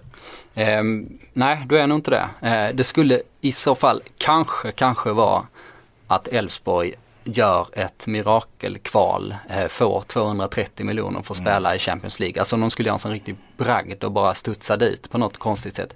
Ja men då har man ju det utrymmet att man får liksom en eh, intäkter som är mycket större än vad du omsätter på ett helt år. Liksom. Mm. Ja om vi kanske börjar där, eh, annars köper det. De, de, eh, de har nog inte möjligheten att, att bli det här laget. Det, om vi skulle skrota 51% regeln och det kommer in liksom om... Ja, där har du möjligen en väg då. Om, liksom. om Kamprad ja. kommer ut som någon slags Elfsborg-supporter Ja, plötsligt. eller liksom. de här eh, LOs ja. eh, där liksom. Eller om de slår ihop Borås med, med Jönköping eller alltså det är ju en bit däremellan. Men alltså det känns som att det krävs något sånt liksom. Ja, jag vet inte hur mycket cash det finns i LOs-familjen. det, finns, det borde finnas en del men ja, om det finns på den nivån Nej. liksom. Och någon så här galen. Ja, men där har du en poäng jag glömmer med Elfsborg. Visst, alltså det är ju inte ett otänkbart scenario i en framtid att 51 eh, eh, regeln eh, rivs upp. Jag menar nu är den diskussionen eh, relativt begraven men det finns ju fortfarande krafter inom svensk idrott som ligger liksom och lurar i, i sina skrymslen och, och, säkert eh, kommer göra framstötar framöver liksom och då kanske den försvinner. Vem vet? Jag menar tiderna förändras. Där har du absolut ett relevant begrepp eller eh, relevant poäng att eh, det skulle ju faktiskt kunna vara Elfsborgs väg. Mm. Om vi skulle hamna där, eh, vilket inte är troligt inom fem år kan man väl kanske säga att det ska jäkligt mycket till för att det ska hända något med tanke på hur solid eh, den regeln känns just nu. Men mm. Då har vi ju plötsligt att eh, Djurgården skulle mycket väl kunna studsa upp och bli en, eh, en megaklubb med svenska mått mätt liksom med tanke på eh, vad det finns för folk kring den klubben då. H&M eh, mm. folk som är, har liksom ett stort hjärta där. Då där har du min Dark Horse också som jag förvarnade lite om. Det är faktiskt eh, eh, Djurgården som eh, nu har en skicklig sportslig ledning, är på väg att bygga upp en stabil grund. Eh, får de jobba i någorlunda lugn och ro här nu framöver eh, över tid så, så finns det en potential där. Jag menar du har ändå sett i hyfsad närtid. Eh, det de gjorde i början av 2000-talet där var ju ändå en en eh, femårsperiod får man ju säga med extremt starka eh, resultat. Mm. Så att då köper du den Dark Horsen där också då? Ja, eh, men nu pekar det mer åt att alltså om Djurgården fortsätter att jobba bra, vilket de har typ gjort i max två år eller ett och ett halvt kanske. Alltså jobba metodiskt eh, med en rätt tydlig strategi får man ju säga att de har nu. Eh, ja, men då tar det åtminstone fem år till av den utvecklingen för att, att Djurgården ska liksom eh, vara i toppen på, på eh, på alla nivåer. Liksom. Mm. Okej, nu har de ju gjort en fantastisk säsong men om de liksom ska kunna konkurrera med, ja, på alla parametrar som finns. Liksom. Har vi något mer som skulle kunna sticka upp om vi nu eh, skulle skrota 51% regeln? Mm. Om man sitter i 51% podden och snackar om det. eh, ja, alltså det öppnar ju i princip för eh, vem som helst. Det är ju den, det är ju liksom den eh, charmen och den olyckan med det där liksom att det, det, det, det kan ju bli vad fan som helst av det. Ja, han, eh, jag menar ÖIS hade ju en eh, shake en gång i tiden här på 90-talet som, som var inne och röjde. Han blev väl liksom eh, internationellt efterlyst efter ett tag men eh, jag menar. ja, men det är så den moderna fotbollen ser ut. ja, jo, det är lite så. Man kör, man kör en glad halvsäsong och sen så får ägaren gå i exil. Ja. Um, Norrköping där, de har väl han eh, Fredrik Lundberg heter han va? Ja, just det. Magnaten just det. som uh, sitter på uh, obegränsat med kapital och som verkligen är genuin Peking-supporter. Ja. Det finns eh, säkert ett gäng. Vi får plocka fram den eh, listan. Eh, du ger mig godkänt där för mina eh, i rätt snabba analyser ändå av, av konkurrenternas liksom lägen och, och, varför Malmö då eh, just Malmö har tagit steget och vi gått igenom tidigare. Jag skulle vilja tillföra en punkt där som är rätt intressant i och med att jag var ju på, på Swedbank eller eh, Malmö New Stadium då som den hette den här matchen eh, i tisdags igår och jag var på Stockholmsderbyt i måndags och skillnaden när man är på, och här lägger jag inga värderingar då, skillnaden när man är på den här Malmö-matchen, när man är på Stockholmsderbyt, då är det som att när man kommer i, till Malmö då är det liksom fotbollen som är kärnverksamheten för det här evenemanget.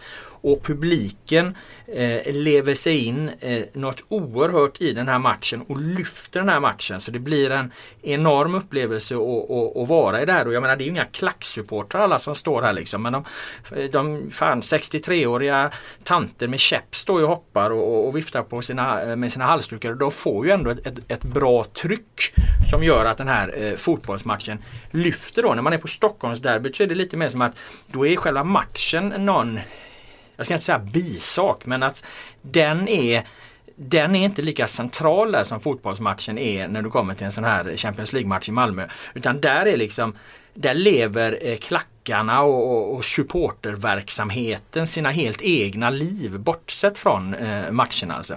Åter inga värderingar där. Man kan ju tycka eh, skärmas av båda de här delarna men det blir en, en skillnad i hur man upplever det. Jag har ett konkret exempel här på på hur publiken på Swedbank när eh, Van Dijk, eh, Celtics stor eh, duktig eh, mittback där han petar undan bollen som har gått död liksom och hela arenan reagerar med en sån enorm kraft för de är så inne i matchen. Så att det kändes som att domaren har inget annat val än att ge han ett kort. För ja, domaren sprang med ryggen mot det. Han varnade honom ändå. Det var möjligt att linjedomaren gav han en signal i hörsnäckan. Men det kändes liksom som att eh, det, var, det, var, det var publiken på Swedbank som fixade den varningen. Och sen får han spela eh, resten av matchen med ett gult kort i bakhuvudet. Mm. Det är klart att det tar ner hans prestation. Han kan inte gå upp lika hårt i rygg på Rosenberg. Mm.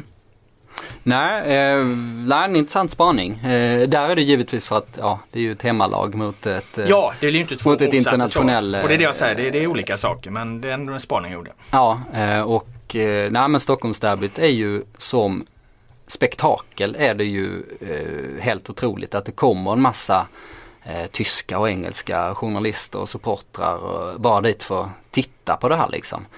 Um, och i potten ligger ju faktiskt inte alls inte liksom, det är en vanlig, det är tre allsvenska poäng som mm. står på spel, varken mm. mer eller mindre. Eh, en enorm prestige. Men jag vet ju inte hur många, eh, eh, inte spelare då, men, men ledare inom klubbarna och supportrar och sånt som säger, ja så länge vi inte förlorar så är det lugnt. Det vill säga att man är nöjd med ett kryss. Mm. Eh, pratar med Djurgårdsledare efter som, nej men de var hyfsat nöjda ändå. Och vad är det de gjorde då? Jo, de spelade 2-2 i ett hemmaderby. Eh, ja, de har ju samma arena men de hade ju extremt eh, stort publikövertag såklart. Eh, mot en klubb som ligger betydligt längre ner i tabellen som är ett sämre lag för stunden. Spelar 2-2 hemma, det är ju en riktig missräkning då. Mm. Eh, men ändå liksom, ja vi förlorar inte i vart fall. Eh, så där är ju en, en jäkla skillnad. Eh, men man får väl jämföra kanske med Skånederbyt då om man, eh, Ja absolut. Men det, det, om man ska ha liksom en rak jämförelse. Så. Men det var också en intressant grej här som jag snappade upp eh, eh, via, via sociala medier och, eller vad jag nu såg det på någon, någon hemsida. Det här var liksom supportrarnas och jag är inte så jävla inkörd i den här världen så det här kanske är vardagsmått. Men eh, det var ju Malmösupportrarna, alltså hur de la upp den här dagen liksom. Eh, de höll på att dividera, hur skulle de kunna klara och hålla tryck trycket och stämningen på stadion. Inte bara i 90 minuter utan i en straffspark eller i en förlä eventuell förlängning och en straffsparksläggning. Jo men då höll de på att dividera. Jo men käkar vi den och den tidpunkten liksom så att magen är i, i rätt fas och så dricker du mycket vatten på dagen och så ser du till så att du får med dig vatten in på arenan så du ja, håller vätskebalansen i, i skick, inte blir törstig och smor, smörjer stämbanden och så vidare. Alltså, fotboll är ofta annars förknippat med, med öl och grejer men alltså eh, de resonemang jag såg här, här handlar ju de här förbereder sig liksom för, för, för, för, för att nästan lira den här matchen. Liksom. De ser till att sova åtta timmar.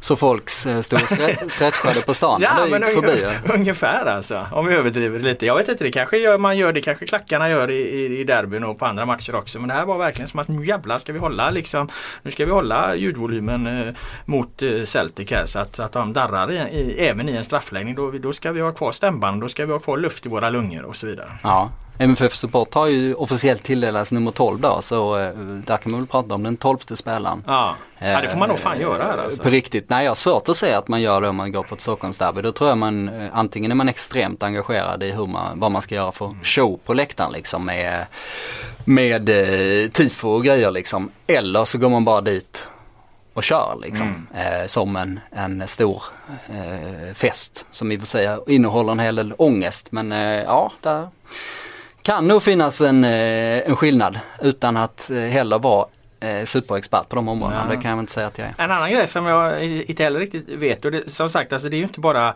Klacken är ju, finns ju där i Malmö och sen så är det ju, är det ju fullt då runt omkring och jag nämnde det förut om 63-åriga tanterna med käpp som står och hoppar och viftar med Ja, du film- film på det, eller? Nej, det är väl en bildlig likness. Jag såg väl kanske inte exakt be- 63 bes- besviken jag blev nu faktiskt. Eh, Men det, de skapar det här trycket och alla de här som är där som sagt det är väl rätt mycket, vad kallar man det? Champions League-turister brukar ju lite nedlåtande heta. Men jag menar de kan ju alla sånger. Eller det måste de ju kunna för jag menar det, det, det, det är ju ett öronbedövande tryck från, från alla håll och kanter. Liksom. Hur, fu- hur funkar sånt liksom? Informeras de som kanske inte går på Malmö-matcher så mycket vad det är för sånger som gäller eller har de olika folk utplacerade på sektioner eller eh, Ja, jag har ingen aning. Nej. Det var det är imponerande att, att se i alla fall. Att, att det lever så över exakt hela jävla arenan. Ja det är sant. Eh, Det ser man ju sällan. Eh, Nästan aldrig faktiskt. Eh, Till och med i, om man tar Stockholmsderbyn som är, det är ju de största matcherna liksom publikt och ja, som spektakel liksom så står de faktiskt i, i särklass.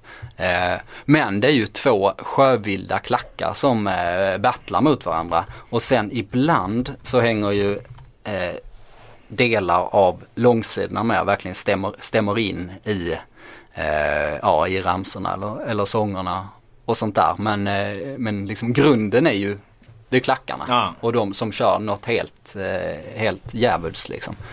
Så ja det är en stor skillnad där. Jag vet inte om det kan hänga ihop med, med, med nästa punkt där. Alltså det, om du, om du, när du kommer ner till Malmö här så att det är en fullständigt hysterisk mediebevakning eh, runt eh, det här Malmö FF. Alltså den, den saknar ju någonstans motstycke. Kvällsposten då som är, är en, en Expressen-edition, eh, en kvällstidning då. De gör ju alltså 28 sidor inför matchen. Och de gör 28 sidor efter matchen. Du ska ju tänka på att den här fotbollsmatchen den tar slut. När fan tog den slut? Halv elva eller? Du Mm, till- den börjar väl köra 2045, ja, precis. Du, Mm. går, du, du går till tryck någon gång vid 1-2 liksom. De slängde ihop 28 sidor efteråt och de gjorde 28 sidor förhands. Förhands är ändå annars rätt så här. Ah, man brukar anse att folk är inte så jävla intresserade av förhands. Jag menar, gjordes det jag menar, gjordes det liksom 28 sidor när, när, när Sverige skickade ut Rumänien 94? Ja. Ja det gjorde det kanske. Ja, Men alltså, det, det, det är ju rätt. Men jag tror inte vi gjorde det när Sverige, Doe-Doe-matchen gjorde inte vi 28 sidor i Sportbladet dagen efter. Nej. Nej, det är ju extremt. Och just det med förhands, som du sa, folk är faktiskt inte så intresserade av att läsa det. Det har ju vi svart på vitt liksom i och med att vi eh, ja, analyserar eh, hur saker eh, säljs och klickas Ja. och sånt där så man kan skanna av ett intresse eh, ganska exakt. Så eh, har vi ju till exempel skurit ner mycket på landslaget där vi har gjort förhands i många dagar eh, med ganska begränsade möjligheter så kan man inte blivit så bra liksom. varit svårt att göra något journalistiskt kul på det. Så 28 sidor förhands, i och för sig en match som är väldigt extremt intressant att spekulera kring ol- olika scenarium är ju helt extremt. Undrar om det är någon som har eh, bläddrat i de där lä- läst varenda artikel. Grejen var att jag frågade för att det säljs ju inte så mycket papperstidningar nu för tiden. Så jag, jag hörde lite med kontakter jag har i, i mediebranschen och de menar på att ah, de hade lika gärna kunnat slänga alla eh, tidningar. Man hade aldrig behövt ställa ut dem i en affär. Man hade bara kunnat dumpa dem för att eh, bara genom annonsförsäljningen på de här 28 sidorna så får de ihop affären så att säga. Okej. Ja det är intressant. Så att, eh, att det inte säljs mycket det är inte, det, det är inte hela världen liksom. Utan, ja, annonsörerna vill annonsera ändå för att ja, de som eventuellt köper, eller de som köper då vilket ju är några stycken i alla fall. Eh, de läser väl det så noga då så att eh, annonsörerna anser att de får ut sitt budskap. Men du har ju knäckt, eh, eller du har ju liksom löst den gordiska knuten nu. Det som alla famlar efter i vår bransch är ju... Jag? Ja, du har löst den precis. Jaha. Du har gjort ett Alexanderhugg. Eh, för att det alla famlar efter i vår bransch är ju hur får man intäkter digitalt liksom i den här omställningen. Från att man har eh, haft annonsintäkter och, och lösnummersförsäljning varenda dag som varit den absolut största delen av våra intäkter. Till att vi då, ja men alla läsarna finns i mobilen och på nätet och hur tar man då betalt och hur förpackar man annonser och, och sånt här liksom. Och nu kom du på det. Nej, man gör 28 sidor med bara reklam och sen dumpar man det. I Malmö. Du behöver trycka upp det. Du behöver trycka, äh, trycka det. Ja, det är inte jag som har löst det. Jag frågade, jag sa att det var inte, jag som varit ute och dumpat tidningarna. Jag frågade en på Kvällsposten. Så det är de som har knäckt den där jävla knuten då Ja. med Alexanderhugget. Man måste anställa någon som dumpar tidningarna fysiskt. Men det är billigare att anställa ett antal journalister som ska eh, skriva och redigera ta bilder och sånt. En miljon, över en miljon tittare var det tydligen ett tag, ett tag igår på eh, Viasat på matchen. Det är extremt mycket på Viasat på sexan där för en Champions League-match. Ja, hur mycket brukar det vara på landslags Ja, det, ja, ja, kvalmatcher ja men de kommer inte upp i så jävla mycket mer skulle jag säga. På, eh, vad fan går de på nu då? Kanal eh, 75 eller vad fan det heter. Eh, hänger inte med längre vilka kanaler det går på. Eh, men på själva liksom mästerskapsmatcher är det högre. Då kan det vara 2, 3, 4 till och med vid, vid, vid extrema tillfällen. Men kvalmatcher drar väl inte iväg så jävla långt över en miljon vad jag vet. Nej. Ja, det är intressant för att eh, det beror ju på att situationen är så pass eh, unik och spektakulär trots allt. Mm. Helsingborg kvalade in år 2000 och sen har inte ett lag lyckats eh, att komma in i Champions League eh, förrän Malmö lyckades och det har ju knappast blivit lättare då. Men då kan man ju nästan tala om att det blir ju ett slags nationellt intresse. Att många håller på Malmö eller åtminstone är extremt intresserade även om de eh, väldigt stor del av dem säkert inte håller ett dugg på dem i, i normalfallet. Mm. Du, eh, vi har en punkt kvar här, viktig punkt eh, som ju kommer att ske eh, framåt kvällen Fa- den dagen detta släpps. Fast förlåt, jag måste Ja. avbryta det här. Ja. Jag läser ditt schema här, nu läser jag lite noggrannare. Jaha. Sista punkten är, Laul flyttar till Malmö. den, den kan vi inte hoppa Nej fan över. den står med här med... Är det du som ska dumpa tidningarna där?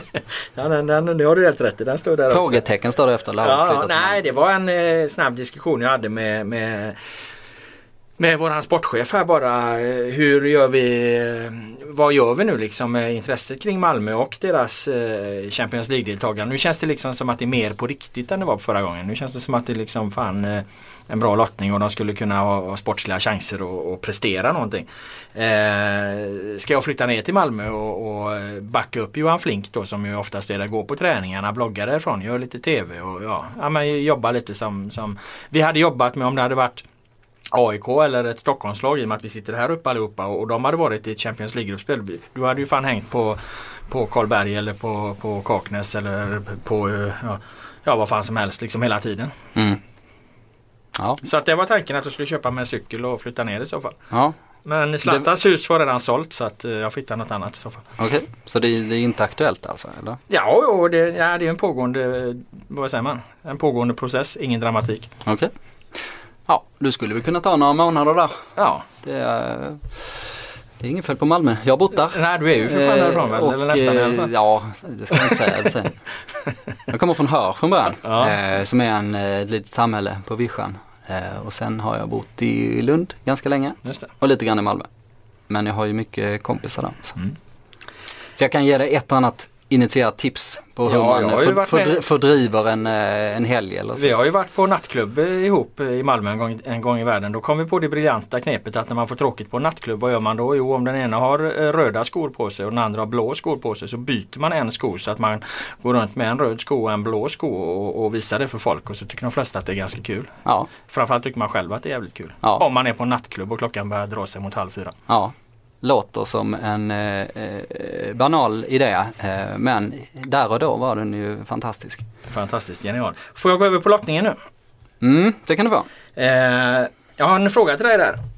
Vill du se en bra eller dålig lottning? Eh, jag väljer bra, vad väljer du? Jag väljer en dålig.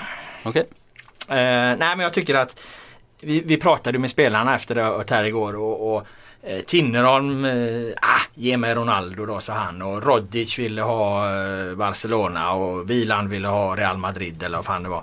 Och, och man hör ju liksom det här tugget om att ja men det när det är lottning så här, ja men nu ska det komma eh, storlag hit så att vi får eh, vi får mycket folk på stadion och att det, det blir, blir häftigt så och, och så. Skitsnack! Alltså i det här läget ska ju Malmö, de ska ha så dålig jävla lottning som möjligt. Alltså så dåliga lag som möjligt. De ska inte ha några storlag dit.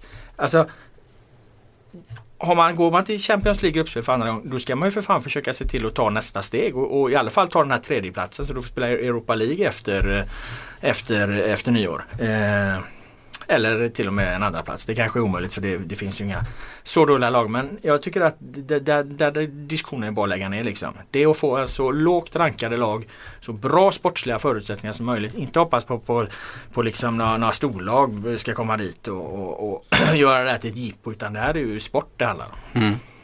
Men när du säger dålig lottning, då menar du alltså bra lottning? Eh, ja, ja, men jag, eh, ja, jag rörde väl till.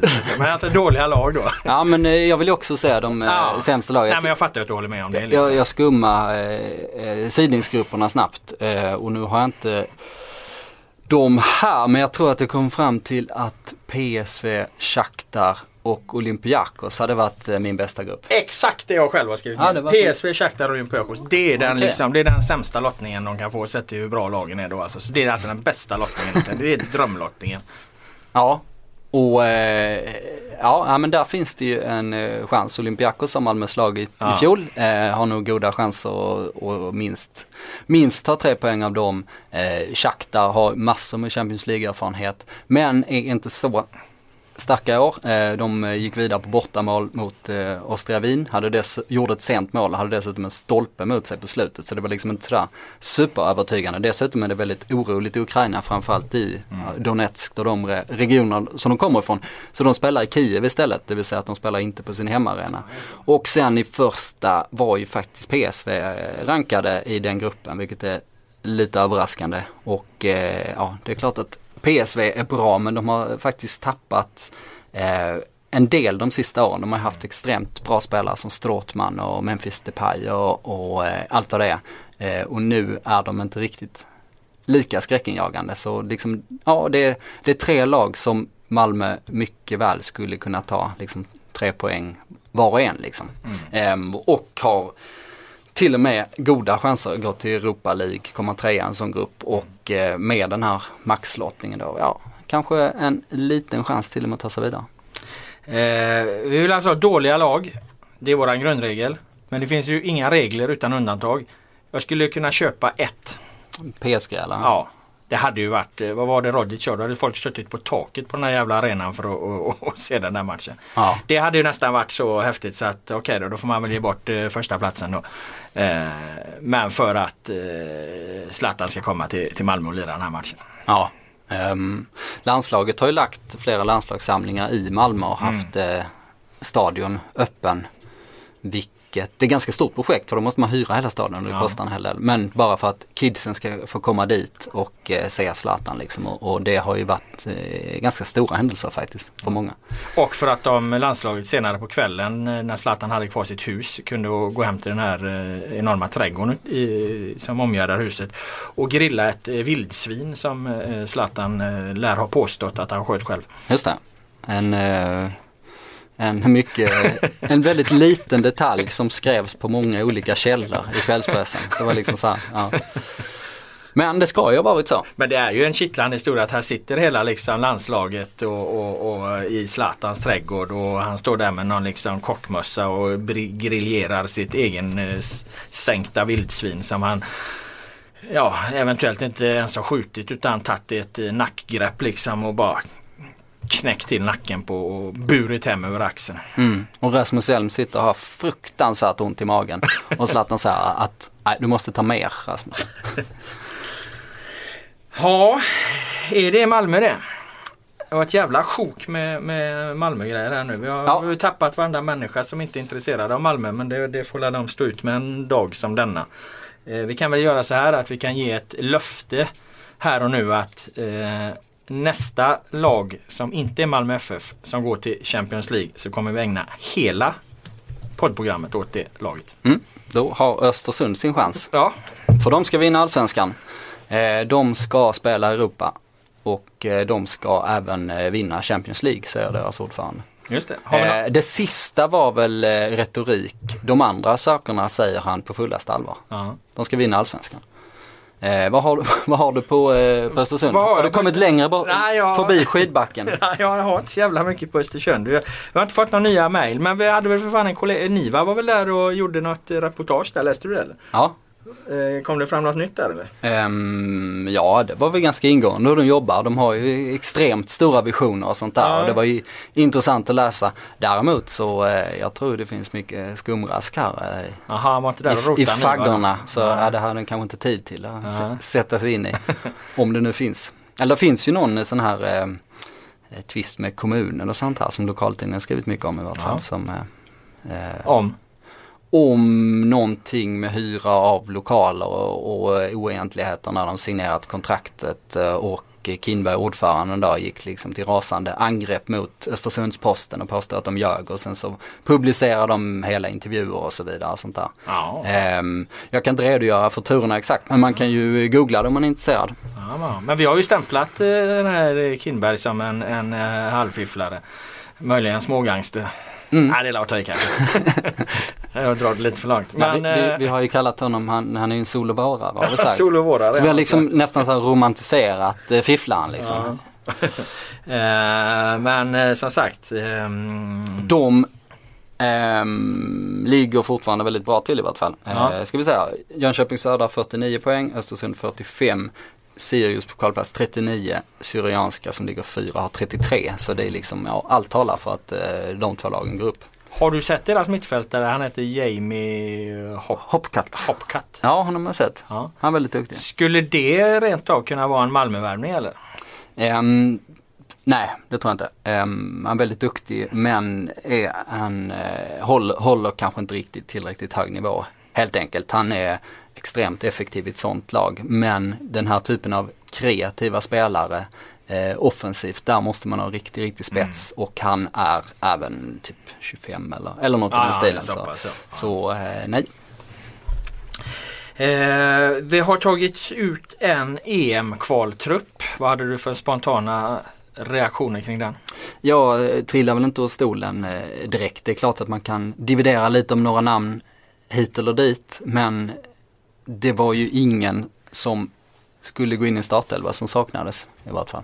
Jag reagerar på att det var tre vänsterbackar uttagna plus en vänsterbacksreserv och och en högerback och den högerbacken var Mikael Lustig som inte kunde spela mot Malmö här. Han spelar ju i Celtic. Eh, Tinnerholm då högerbacksreserv var väl eh, helt okej men tanken är väl att använda då vänsterbacken Pierre Bengtsson och inte Tinnerholm eh, eh som eh, eh, högerback i, i de här extremt viktiga matcherna mot, mot eh, Ryssland och, och, och Österrike. Det är ju fortsatt eh, underbetyg åt, eh, åt att det aldrig blir någon ordning på den här jävla positionen. Mm. Ja det har du rätt i och jag tycker det är helt fel att spela Pierre Bengtsson där också. Mm. Jag tycker man ser det eh, i match efter match att eh, ja han gör så gott som man kan men han är extremt enfotad och han har liksom he- hela sitt liv eh, lärt sig spela på en vänsterkant och eh, är ju helt eh, vilsen i, i, eh, ja, ibland i defensiven också. Liksom. Han, han löser det okej i och med att han är en smart spelare men nej, där, eh, det har jag fått förstå faktiskt. Jag tycker det är svagt av Sebastian Larsson att inte han tar kulan för laget och kliver Ja. ner och, och, och redan för många år sedan gjorde. Jag menar,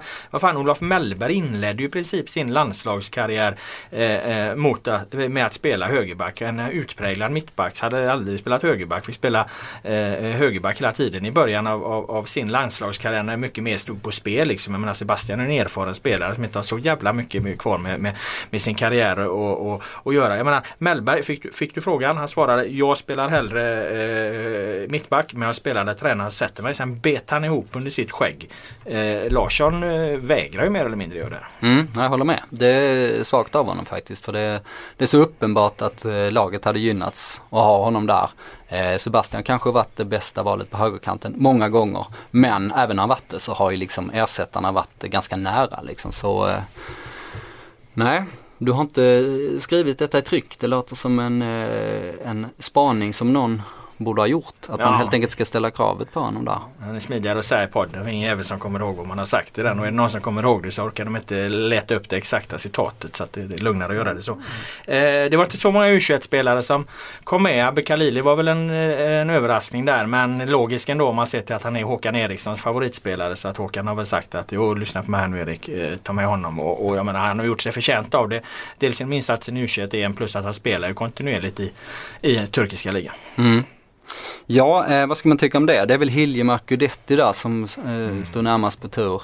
Eh, Hiljemark som var väldigt bra i, eh, i somras och eh, som känns som en given landslagsspelare på sikt. Men han spelar inte särskilt mycket i våras eh, och har kommit lite osäker status i Palermo. Så det, ja, det kan inte så konstigt. Eh, Gudetti kunde ju varit med men eh, där var ju, hade ju Hamrén en ganska rimlig Ja. förklaring till det. För ja, han har ju hoppat in i Celta Vigo så han, han behöver spela mer. Mm. Däremot kommer ju Toivonen med istället och Toivonen har väl knappt en klubb ens för stunden. Så det, det skulle man kunna vända lite fram emot. Men, men ärligt talat så spelar inte det så stor roll. Eh, kommer Guidetti i form så kommer han ju eh, givetvis ta en plats i, i truppen och kanske gå rakt in i elvan också.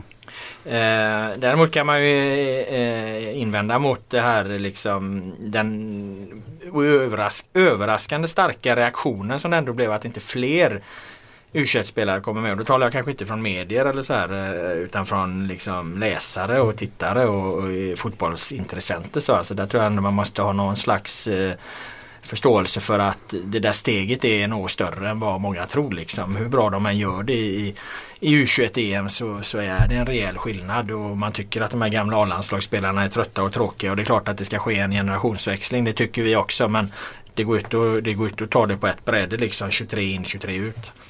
Nej, det är ett stort steg och eh, ja, Sverige vann U21-EM. Eh, eh, vilket, ja, alltså det, är- det är så pass stort att man tänker sig att då borde man ju bara, alltså du bara fått informationen, Sverige vann U21-EM i somras och här har du det gamla landslaget. Då hade man ju tänkt att de skulle byta ut hela.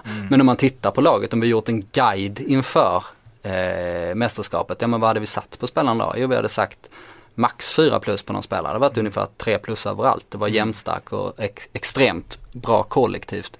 kollektiv. Men eh, där finns, finns ju faktiskt inga eh, jättestjärnor i den här truppen. Och det är bara att titta på vad de har gjort eh, sedan dess liksom i, i, i var de nu befinner sig. Ludvig Augustinsson hade kanske varit eh, kul att, få se på, på en vänsterbacksplats men det är som sagt det, det är en helvetes massa vänsterbackar med den här truppen. Han är också med som reserv då. Mm.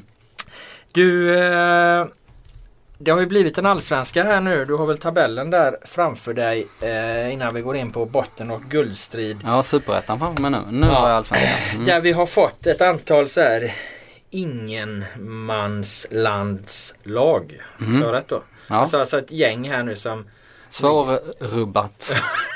jävligt dåligt rubrikord får man säga. Svårt att komma och sälja in den, den vinkeln hos våra redigerare här på tidningen. Men eh, nej men de ligger i ett ingenmansland och kommer väl antagligen göra det. Hammarby får man väl nästan räkna dit nu. Det känns ju som att de kommer inte dras in i någon, någon bottenstrid och de kommer inte komma så jäkla mycket högre upp.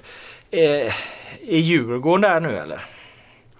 Eh, nej det är de ju faktiskt inte. För att de slåss ju om Europaplatser får man ju säga. Ja, och nu talar jag mycket för att Djurgården kommer att vara i ett eget ingenmansland eh, på något sätt. Eh, Toppkvartetten eh, kommer de inte komma ikapp. De kommer inte komma ikapp alla i vart fall. Det ska extremt mycket till.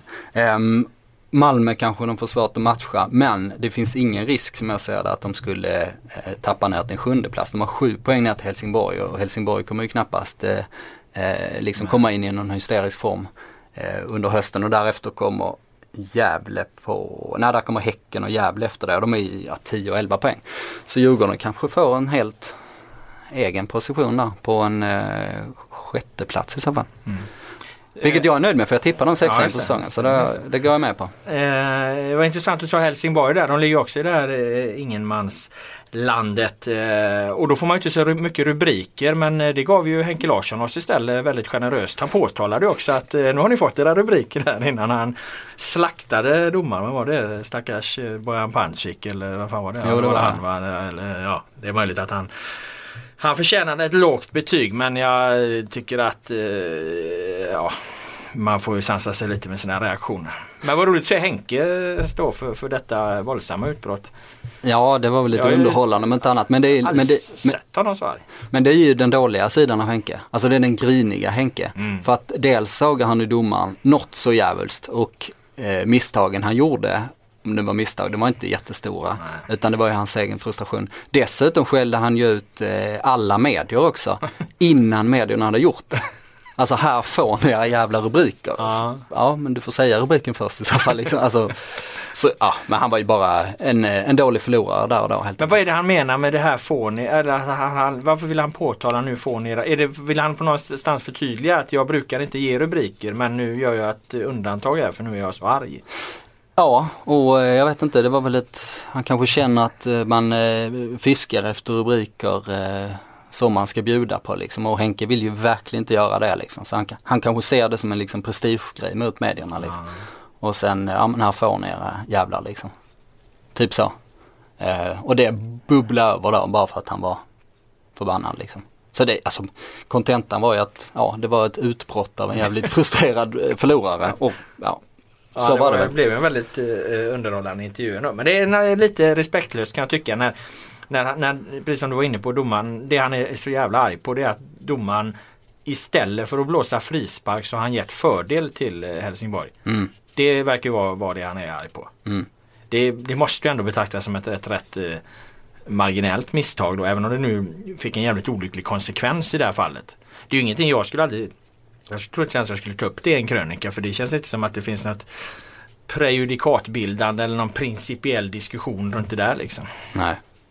Det, nu har jag inte sett matchen i sin helhet men det skulle väl i så fall vara om domaren tappar matchen helt liksom och sen bara till sist hänger man upp sig på en, Ja. ett misstag. Men jag har inte bilden av att eh, Bojan Pancic eh, hade liksom eh, eh, gjort en, en katastrofal insats där. Ehm, det var många som hade väldigt roligt åt, åt det här med Henke i och med att Henke var ju framförallt när han kom hem till Allsvenskan efter sin långa framgångsrika karriär så var han ju väldigt eh, blev han ju väldigt känd för att han, han, är, han var den tidens Rosenberg liksom. Han fick alltid det där med sig. Han kunde göra lite småfulla eh, saker liksom. Han, han ställde sig på eh, någons fötter eller han eh, nöp någon eh, mellan benen eller vad han nu gjorde liksom. Eh, och han har, fick alltid allting med sig. Man menar att han har domaren med sig. Man pratar ju om Rosenberg på ungefär samma sätt nu. De här spelarna som är lite bättre och lite smartare som vi brukar beskriva det istället. de griniga gamla gubbar-grinet Ja, som, vi, ja. som vi gick till eh, frontalangrepp eh, mot. Nej, vi, fan, vi backar ju upp dem fullständigt ju. Ja, vi gick, ja men vi gick ju till frontalangrepp mot Ja, ja, grinet. griniga gamla gri, gubbar-grinet. Ja just det, så var det ja. Det var, eh, det var det. Nej men folk hade roligt att då att nu fick Henke liksom som alltid haft domarna med sig. Nu, nu fick han smaka på det liksom. Mm. Det trendar väl på Twitter som det heter nu för tiden. Eh, bottenstriden, har du något att säga om den? Jag såg eh, Åtvidaberg eh, mot IFK Göteborg på Kopparvallen. Ja, Och, eh, symptomatiskt skulle man kunna säga att de, Ja, de förlorar på ett alltså in- övertidsmål. Ja, de tapp, förlorar på ett övertidsmål där ytterbacken Andreas Dahlén slutar spela och ställer sig och vinkar för, på offside istället för att ta duellen med Mikkel Boman. När det kommer ett eh, inlägg. Alltså släpper du in sådana mål i det läget som Åtvidaberg befinner sig då förtjänar du att åka ut. Du kan ju inte göra det. Du får ju ta duellen och sen eventuellt vinka på offside. Ja, Ja, det var länge sedan jag såg något, eh, något eh, sämre. Det är möjligt att det var offside. Jag säger inte det. Det fanns inga bra repriser på det. Men det var liksom ingen det var ingen 100 meters offside. nej. Vi, eh, eller jag I sa... så fall. Jag vet inte ens om det var offside alltså. Nej. Jag utnämnde ju till eh, Elfsborgs eh, 3-2 avgörande mål på straff på övertid mot Gävle till liksom årets viktigaste mål. Ja just det, Men- du vill ha den här bilden på hur straffen, att det faktiskt var straff. Att det skulle bli själva liksom symbolen för Allsvenskan 2015. Hur den kom att avgöras. Ja, det blir Just det. jobbigt när eh, Göteborg avgör på övertid. Ja.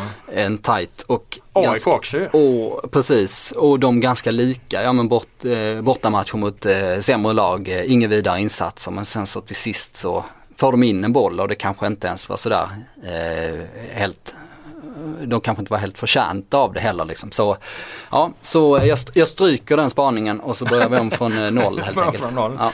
Ja. Eh, nej men i alla fall eh, Åtvidaberg då för att ta bottenstriden eh, blir ju bara allt mer fast förankrade där, där nere. Men eh, återigen lika jävla fa- fascinerande varje gång man ser dem. Gör en helt okej match mot då serieledarna. Eh, är så extremt nära att få en poäng. Har väl egentligen kanske Eh, i andra halvlek fler chanser än IFK Göteborg. Med, med, med lite skarpare och, och Eri så, så, så hade de kunnat få in den.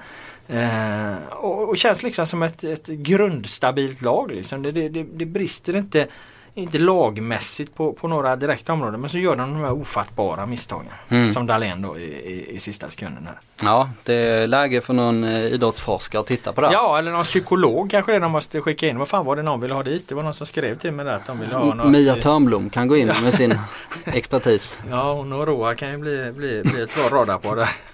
De hade nog kunnat turnera i folkparkerna tror jag. Ja. Eh, sälja in företagsgig. Fakturera 100 000 var sådär. Eh, men det här grundstabila laget har alltså vunnit en match på 21 matcher. Det är det som är så Det är det extremt. som är så jävla extremt alltså. Ja.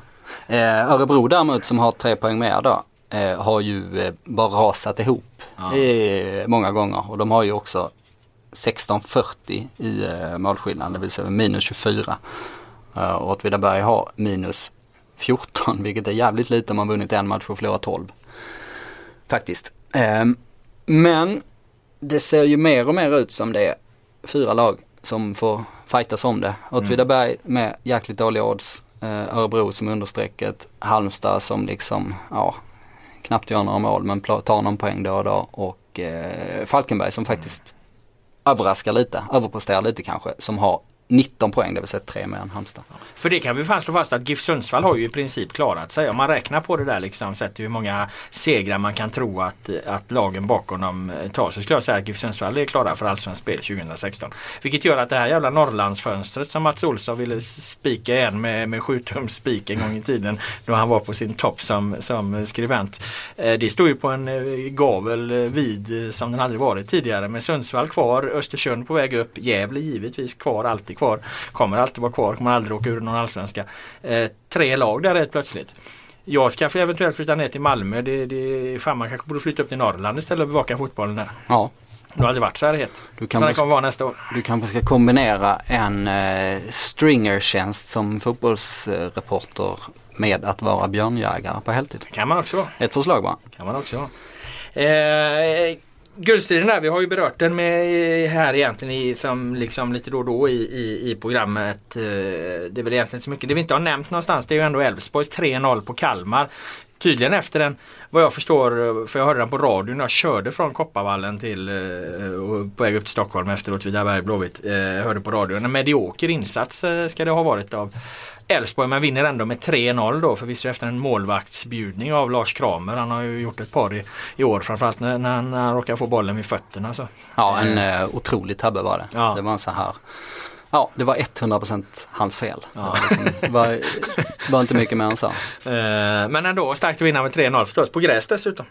Ja, men Det var för- första gången första för- gången han vann på gräs. Ja. Just det, det, den frågan fick Magnus Haglund efteråt och eh, då muttrade han såklart. Det tyckte han inte var kul att påminnas om det.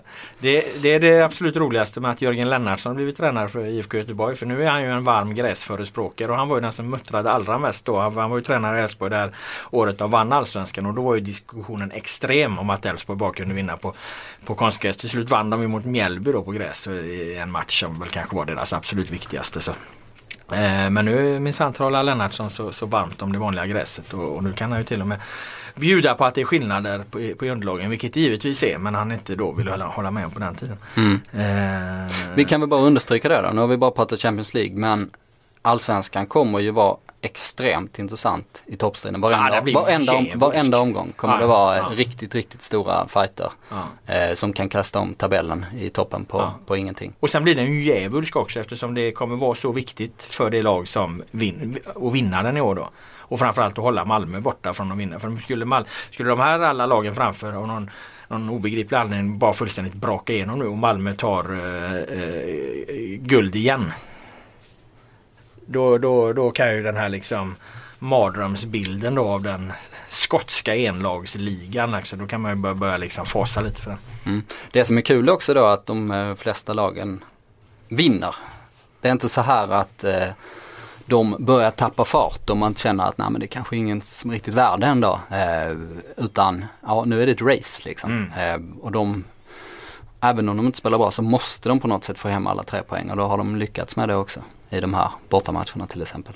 Jag hade ju en enorm uträkning här för ett tag sedan som vi diskuterade då när vi hade eh, våran vän Oshin i studion också. Som menade på att det är Malmö och AIK som skulle göra upp om guldet. eh, Det var när Oisin kallade dig för korrumperade göteborgare bland Ja, annat. ja, men man kan ju se då med, med Uppskattat inhopp på det sättet. Malmös eh, position i Allsvenskan nu då. Det säger väl allt om Oshins analys i det fallet. Eh, Men Den här- eh, Mal- Malmö har du bommat lite på där. Men eh, du förutspådde väldigt höga poängantal för många lag. Ja. Vilket jag dömde ut. Ja, och det- den ligger ju än så länge eh, Nej, så ganska länge bra. Vi, ligger vi kvar där. Eh, det är möjligt att du får rätt ändå där. Nej, men det jag har bommat framförallt det är ju det är ju Elfsborg. De har ju tagit på de här två matcherna som har gått sedan dess så har de ju för fan tagit sex poäng mer. Nej, vad han blir det? Två, fyra, sex, fyra poäng mer än vad jag trodde att de skulle göra. Eh, så de, de, där har jag ju helt gått bort med liksom. Mm. Då, Underskattat, eh, i, Elfsborg. I och med att du bara räknar på i, enligt dina matematiska formler, då vinner Elfsborg där. Du menar om att den matematiska formeln ligger fast på något vis att det- har nu stakats ut en riktning så att det kan inte ändra. Ungefär som den här, eh, han som förutspår eh, de ekonomiska kriserna i världen. Jag menar, han, via Pi räknar han ut att den här börsnedgången nu som kommer från Kina den hade han kunnat se för eh, ja, 30 år sedan och, och nu det, stora smällen blir det i oktober. Mm, första oktober. Ja. Jag såg också den dokumentären. Ja. Sålde av alla mina fonder. Eh, Gjorde du det? Ja, på Nej, riktigt. jag kollar. Ja, och, jag, eh, och därefter eh, brakade ju börsen ihop. Det var typ för tio dagar sedan jag sålde. ja. Eh, jag rekommenderar inte någon men jag bara tänkte så här, ah, men okej jag tror på det här. Eh, det kanske är en eh, galenskap men jag bara bestämmer att jag tror på det här och så sålde jag. Jag har ju inte mycket pengar på banken. Eh, det ska sägas men jag har alltså tappat Vad var det nu? Sen hund, eh, nej, inte hundra, eh, 20 000 på tre dagar. Det är för mig rätt mycket pengar. Liksom. Bara försvunnit i intet. Ja. Det är inget som påverkar mig men det bara försvann från mitt liksom, fondkonto. ja. För en vanlig människa hade 20 000 påverkat. Eh, Nej, men det, är, det är mitt sparkonto, det är mitt sparkonto då. Det är alla, eh, alla försöker väl ha ett sparkonto men alltså, det är ju en jäv- jävla nedgång. Liksom. Så att jag borde väl också ha sålt då kanske. Jag tänker istället att jag ska försöka köpa. Är det inte bra att göra det nu när det går ner? Jo, det är det. Eh, men man ska ju bara eh, veta när det har gått ner tillräckligt länge. Ja men du verkar ju ha stenkoll på den. När fan går det upp då? Eh, nej men grejen är att detta är bara ett litet förskalv. Sen första oktober kommer ju den eh, riktiga kraschen då. Ja, det, som beror på det. att det är länders ekonomi som brakar Så ihop. det. Det är liksom ingen oljekris, det är ingen eh, IT-bubbla utan det är liksom länders ekonomi som brakar ihop i, i kombination med, eh, med banker och, och sådär. Så, eh, utan att förstå det så har jag bara bestämt mig för det. Så, Du bestämmer dig för att köpa konceptet. så eh, jag köper väl aktier igen kanske i eh, november eller sånt där. Jaha. Igen när det har kraschat ordentligt. Vad gör du av pengarna under tiden? Lägger du dem under huvudkudden då eller? Nej, bara ut och festa hela tiden. Okej. Ja, eh, ska vi stänga butiken med det eller hade du något mer att tillägga här? Stockholmsderbyt eh, avhandlade vi eller hade vi något mer att säga om det? Eh, nej, jag tycker vi stämmer, eh, stänger den här butiken för att jag ska gå på division 6 fotboll nu ikväll Jaha, och skriva om det. vad eh, för det? Vi, det spelas en spektakulär eh, match mellan Husby och Rinkeby i division 6. Jaha, ja, Ett derby fan, med coolt. tu- tusen pers. Och eh, en Fan, hel, mina hemtrakter utan, bortanför Solna där. ja, så det är bara att komma till Husby och vad heter den där arenan den har varit på, eller idrottsplatsen Ja. där har jag varit tidigare. I Kista är det. Ja, Arvinge bollplan tror jag den heter. just det. Ehm, och där kommer det vara en hel del sköna profiler runt omkring och det kan nog bli en galen match med den eh, rivaliteten. Så jag, jag ska åka dit med fotograf och se vad som händer av det där. Det låter spännande. Själv ska jag efter många dagars hårt slit åka rakt bort till eh, videobutiken hemmakväll. Eh, blanda mig en bättre påse löst, hyra en bra film och åka och lägga mig i soffan för första, första gången på rätt länge. Det ska bli extremt skönt. Det låter bra det. Ja, Då stänger vi det här. vi tackar. Ha det bra och vi hörs igen om en vecka eller något.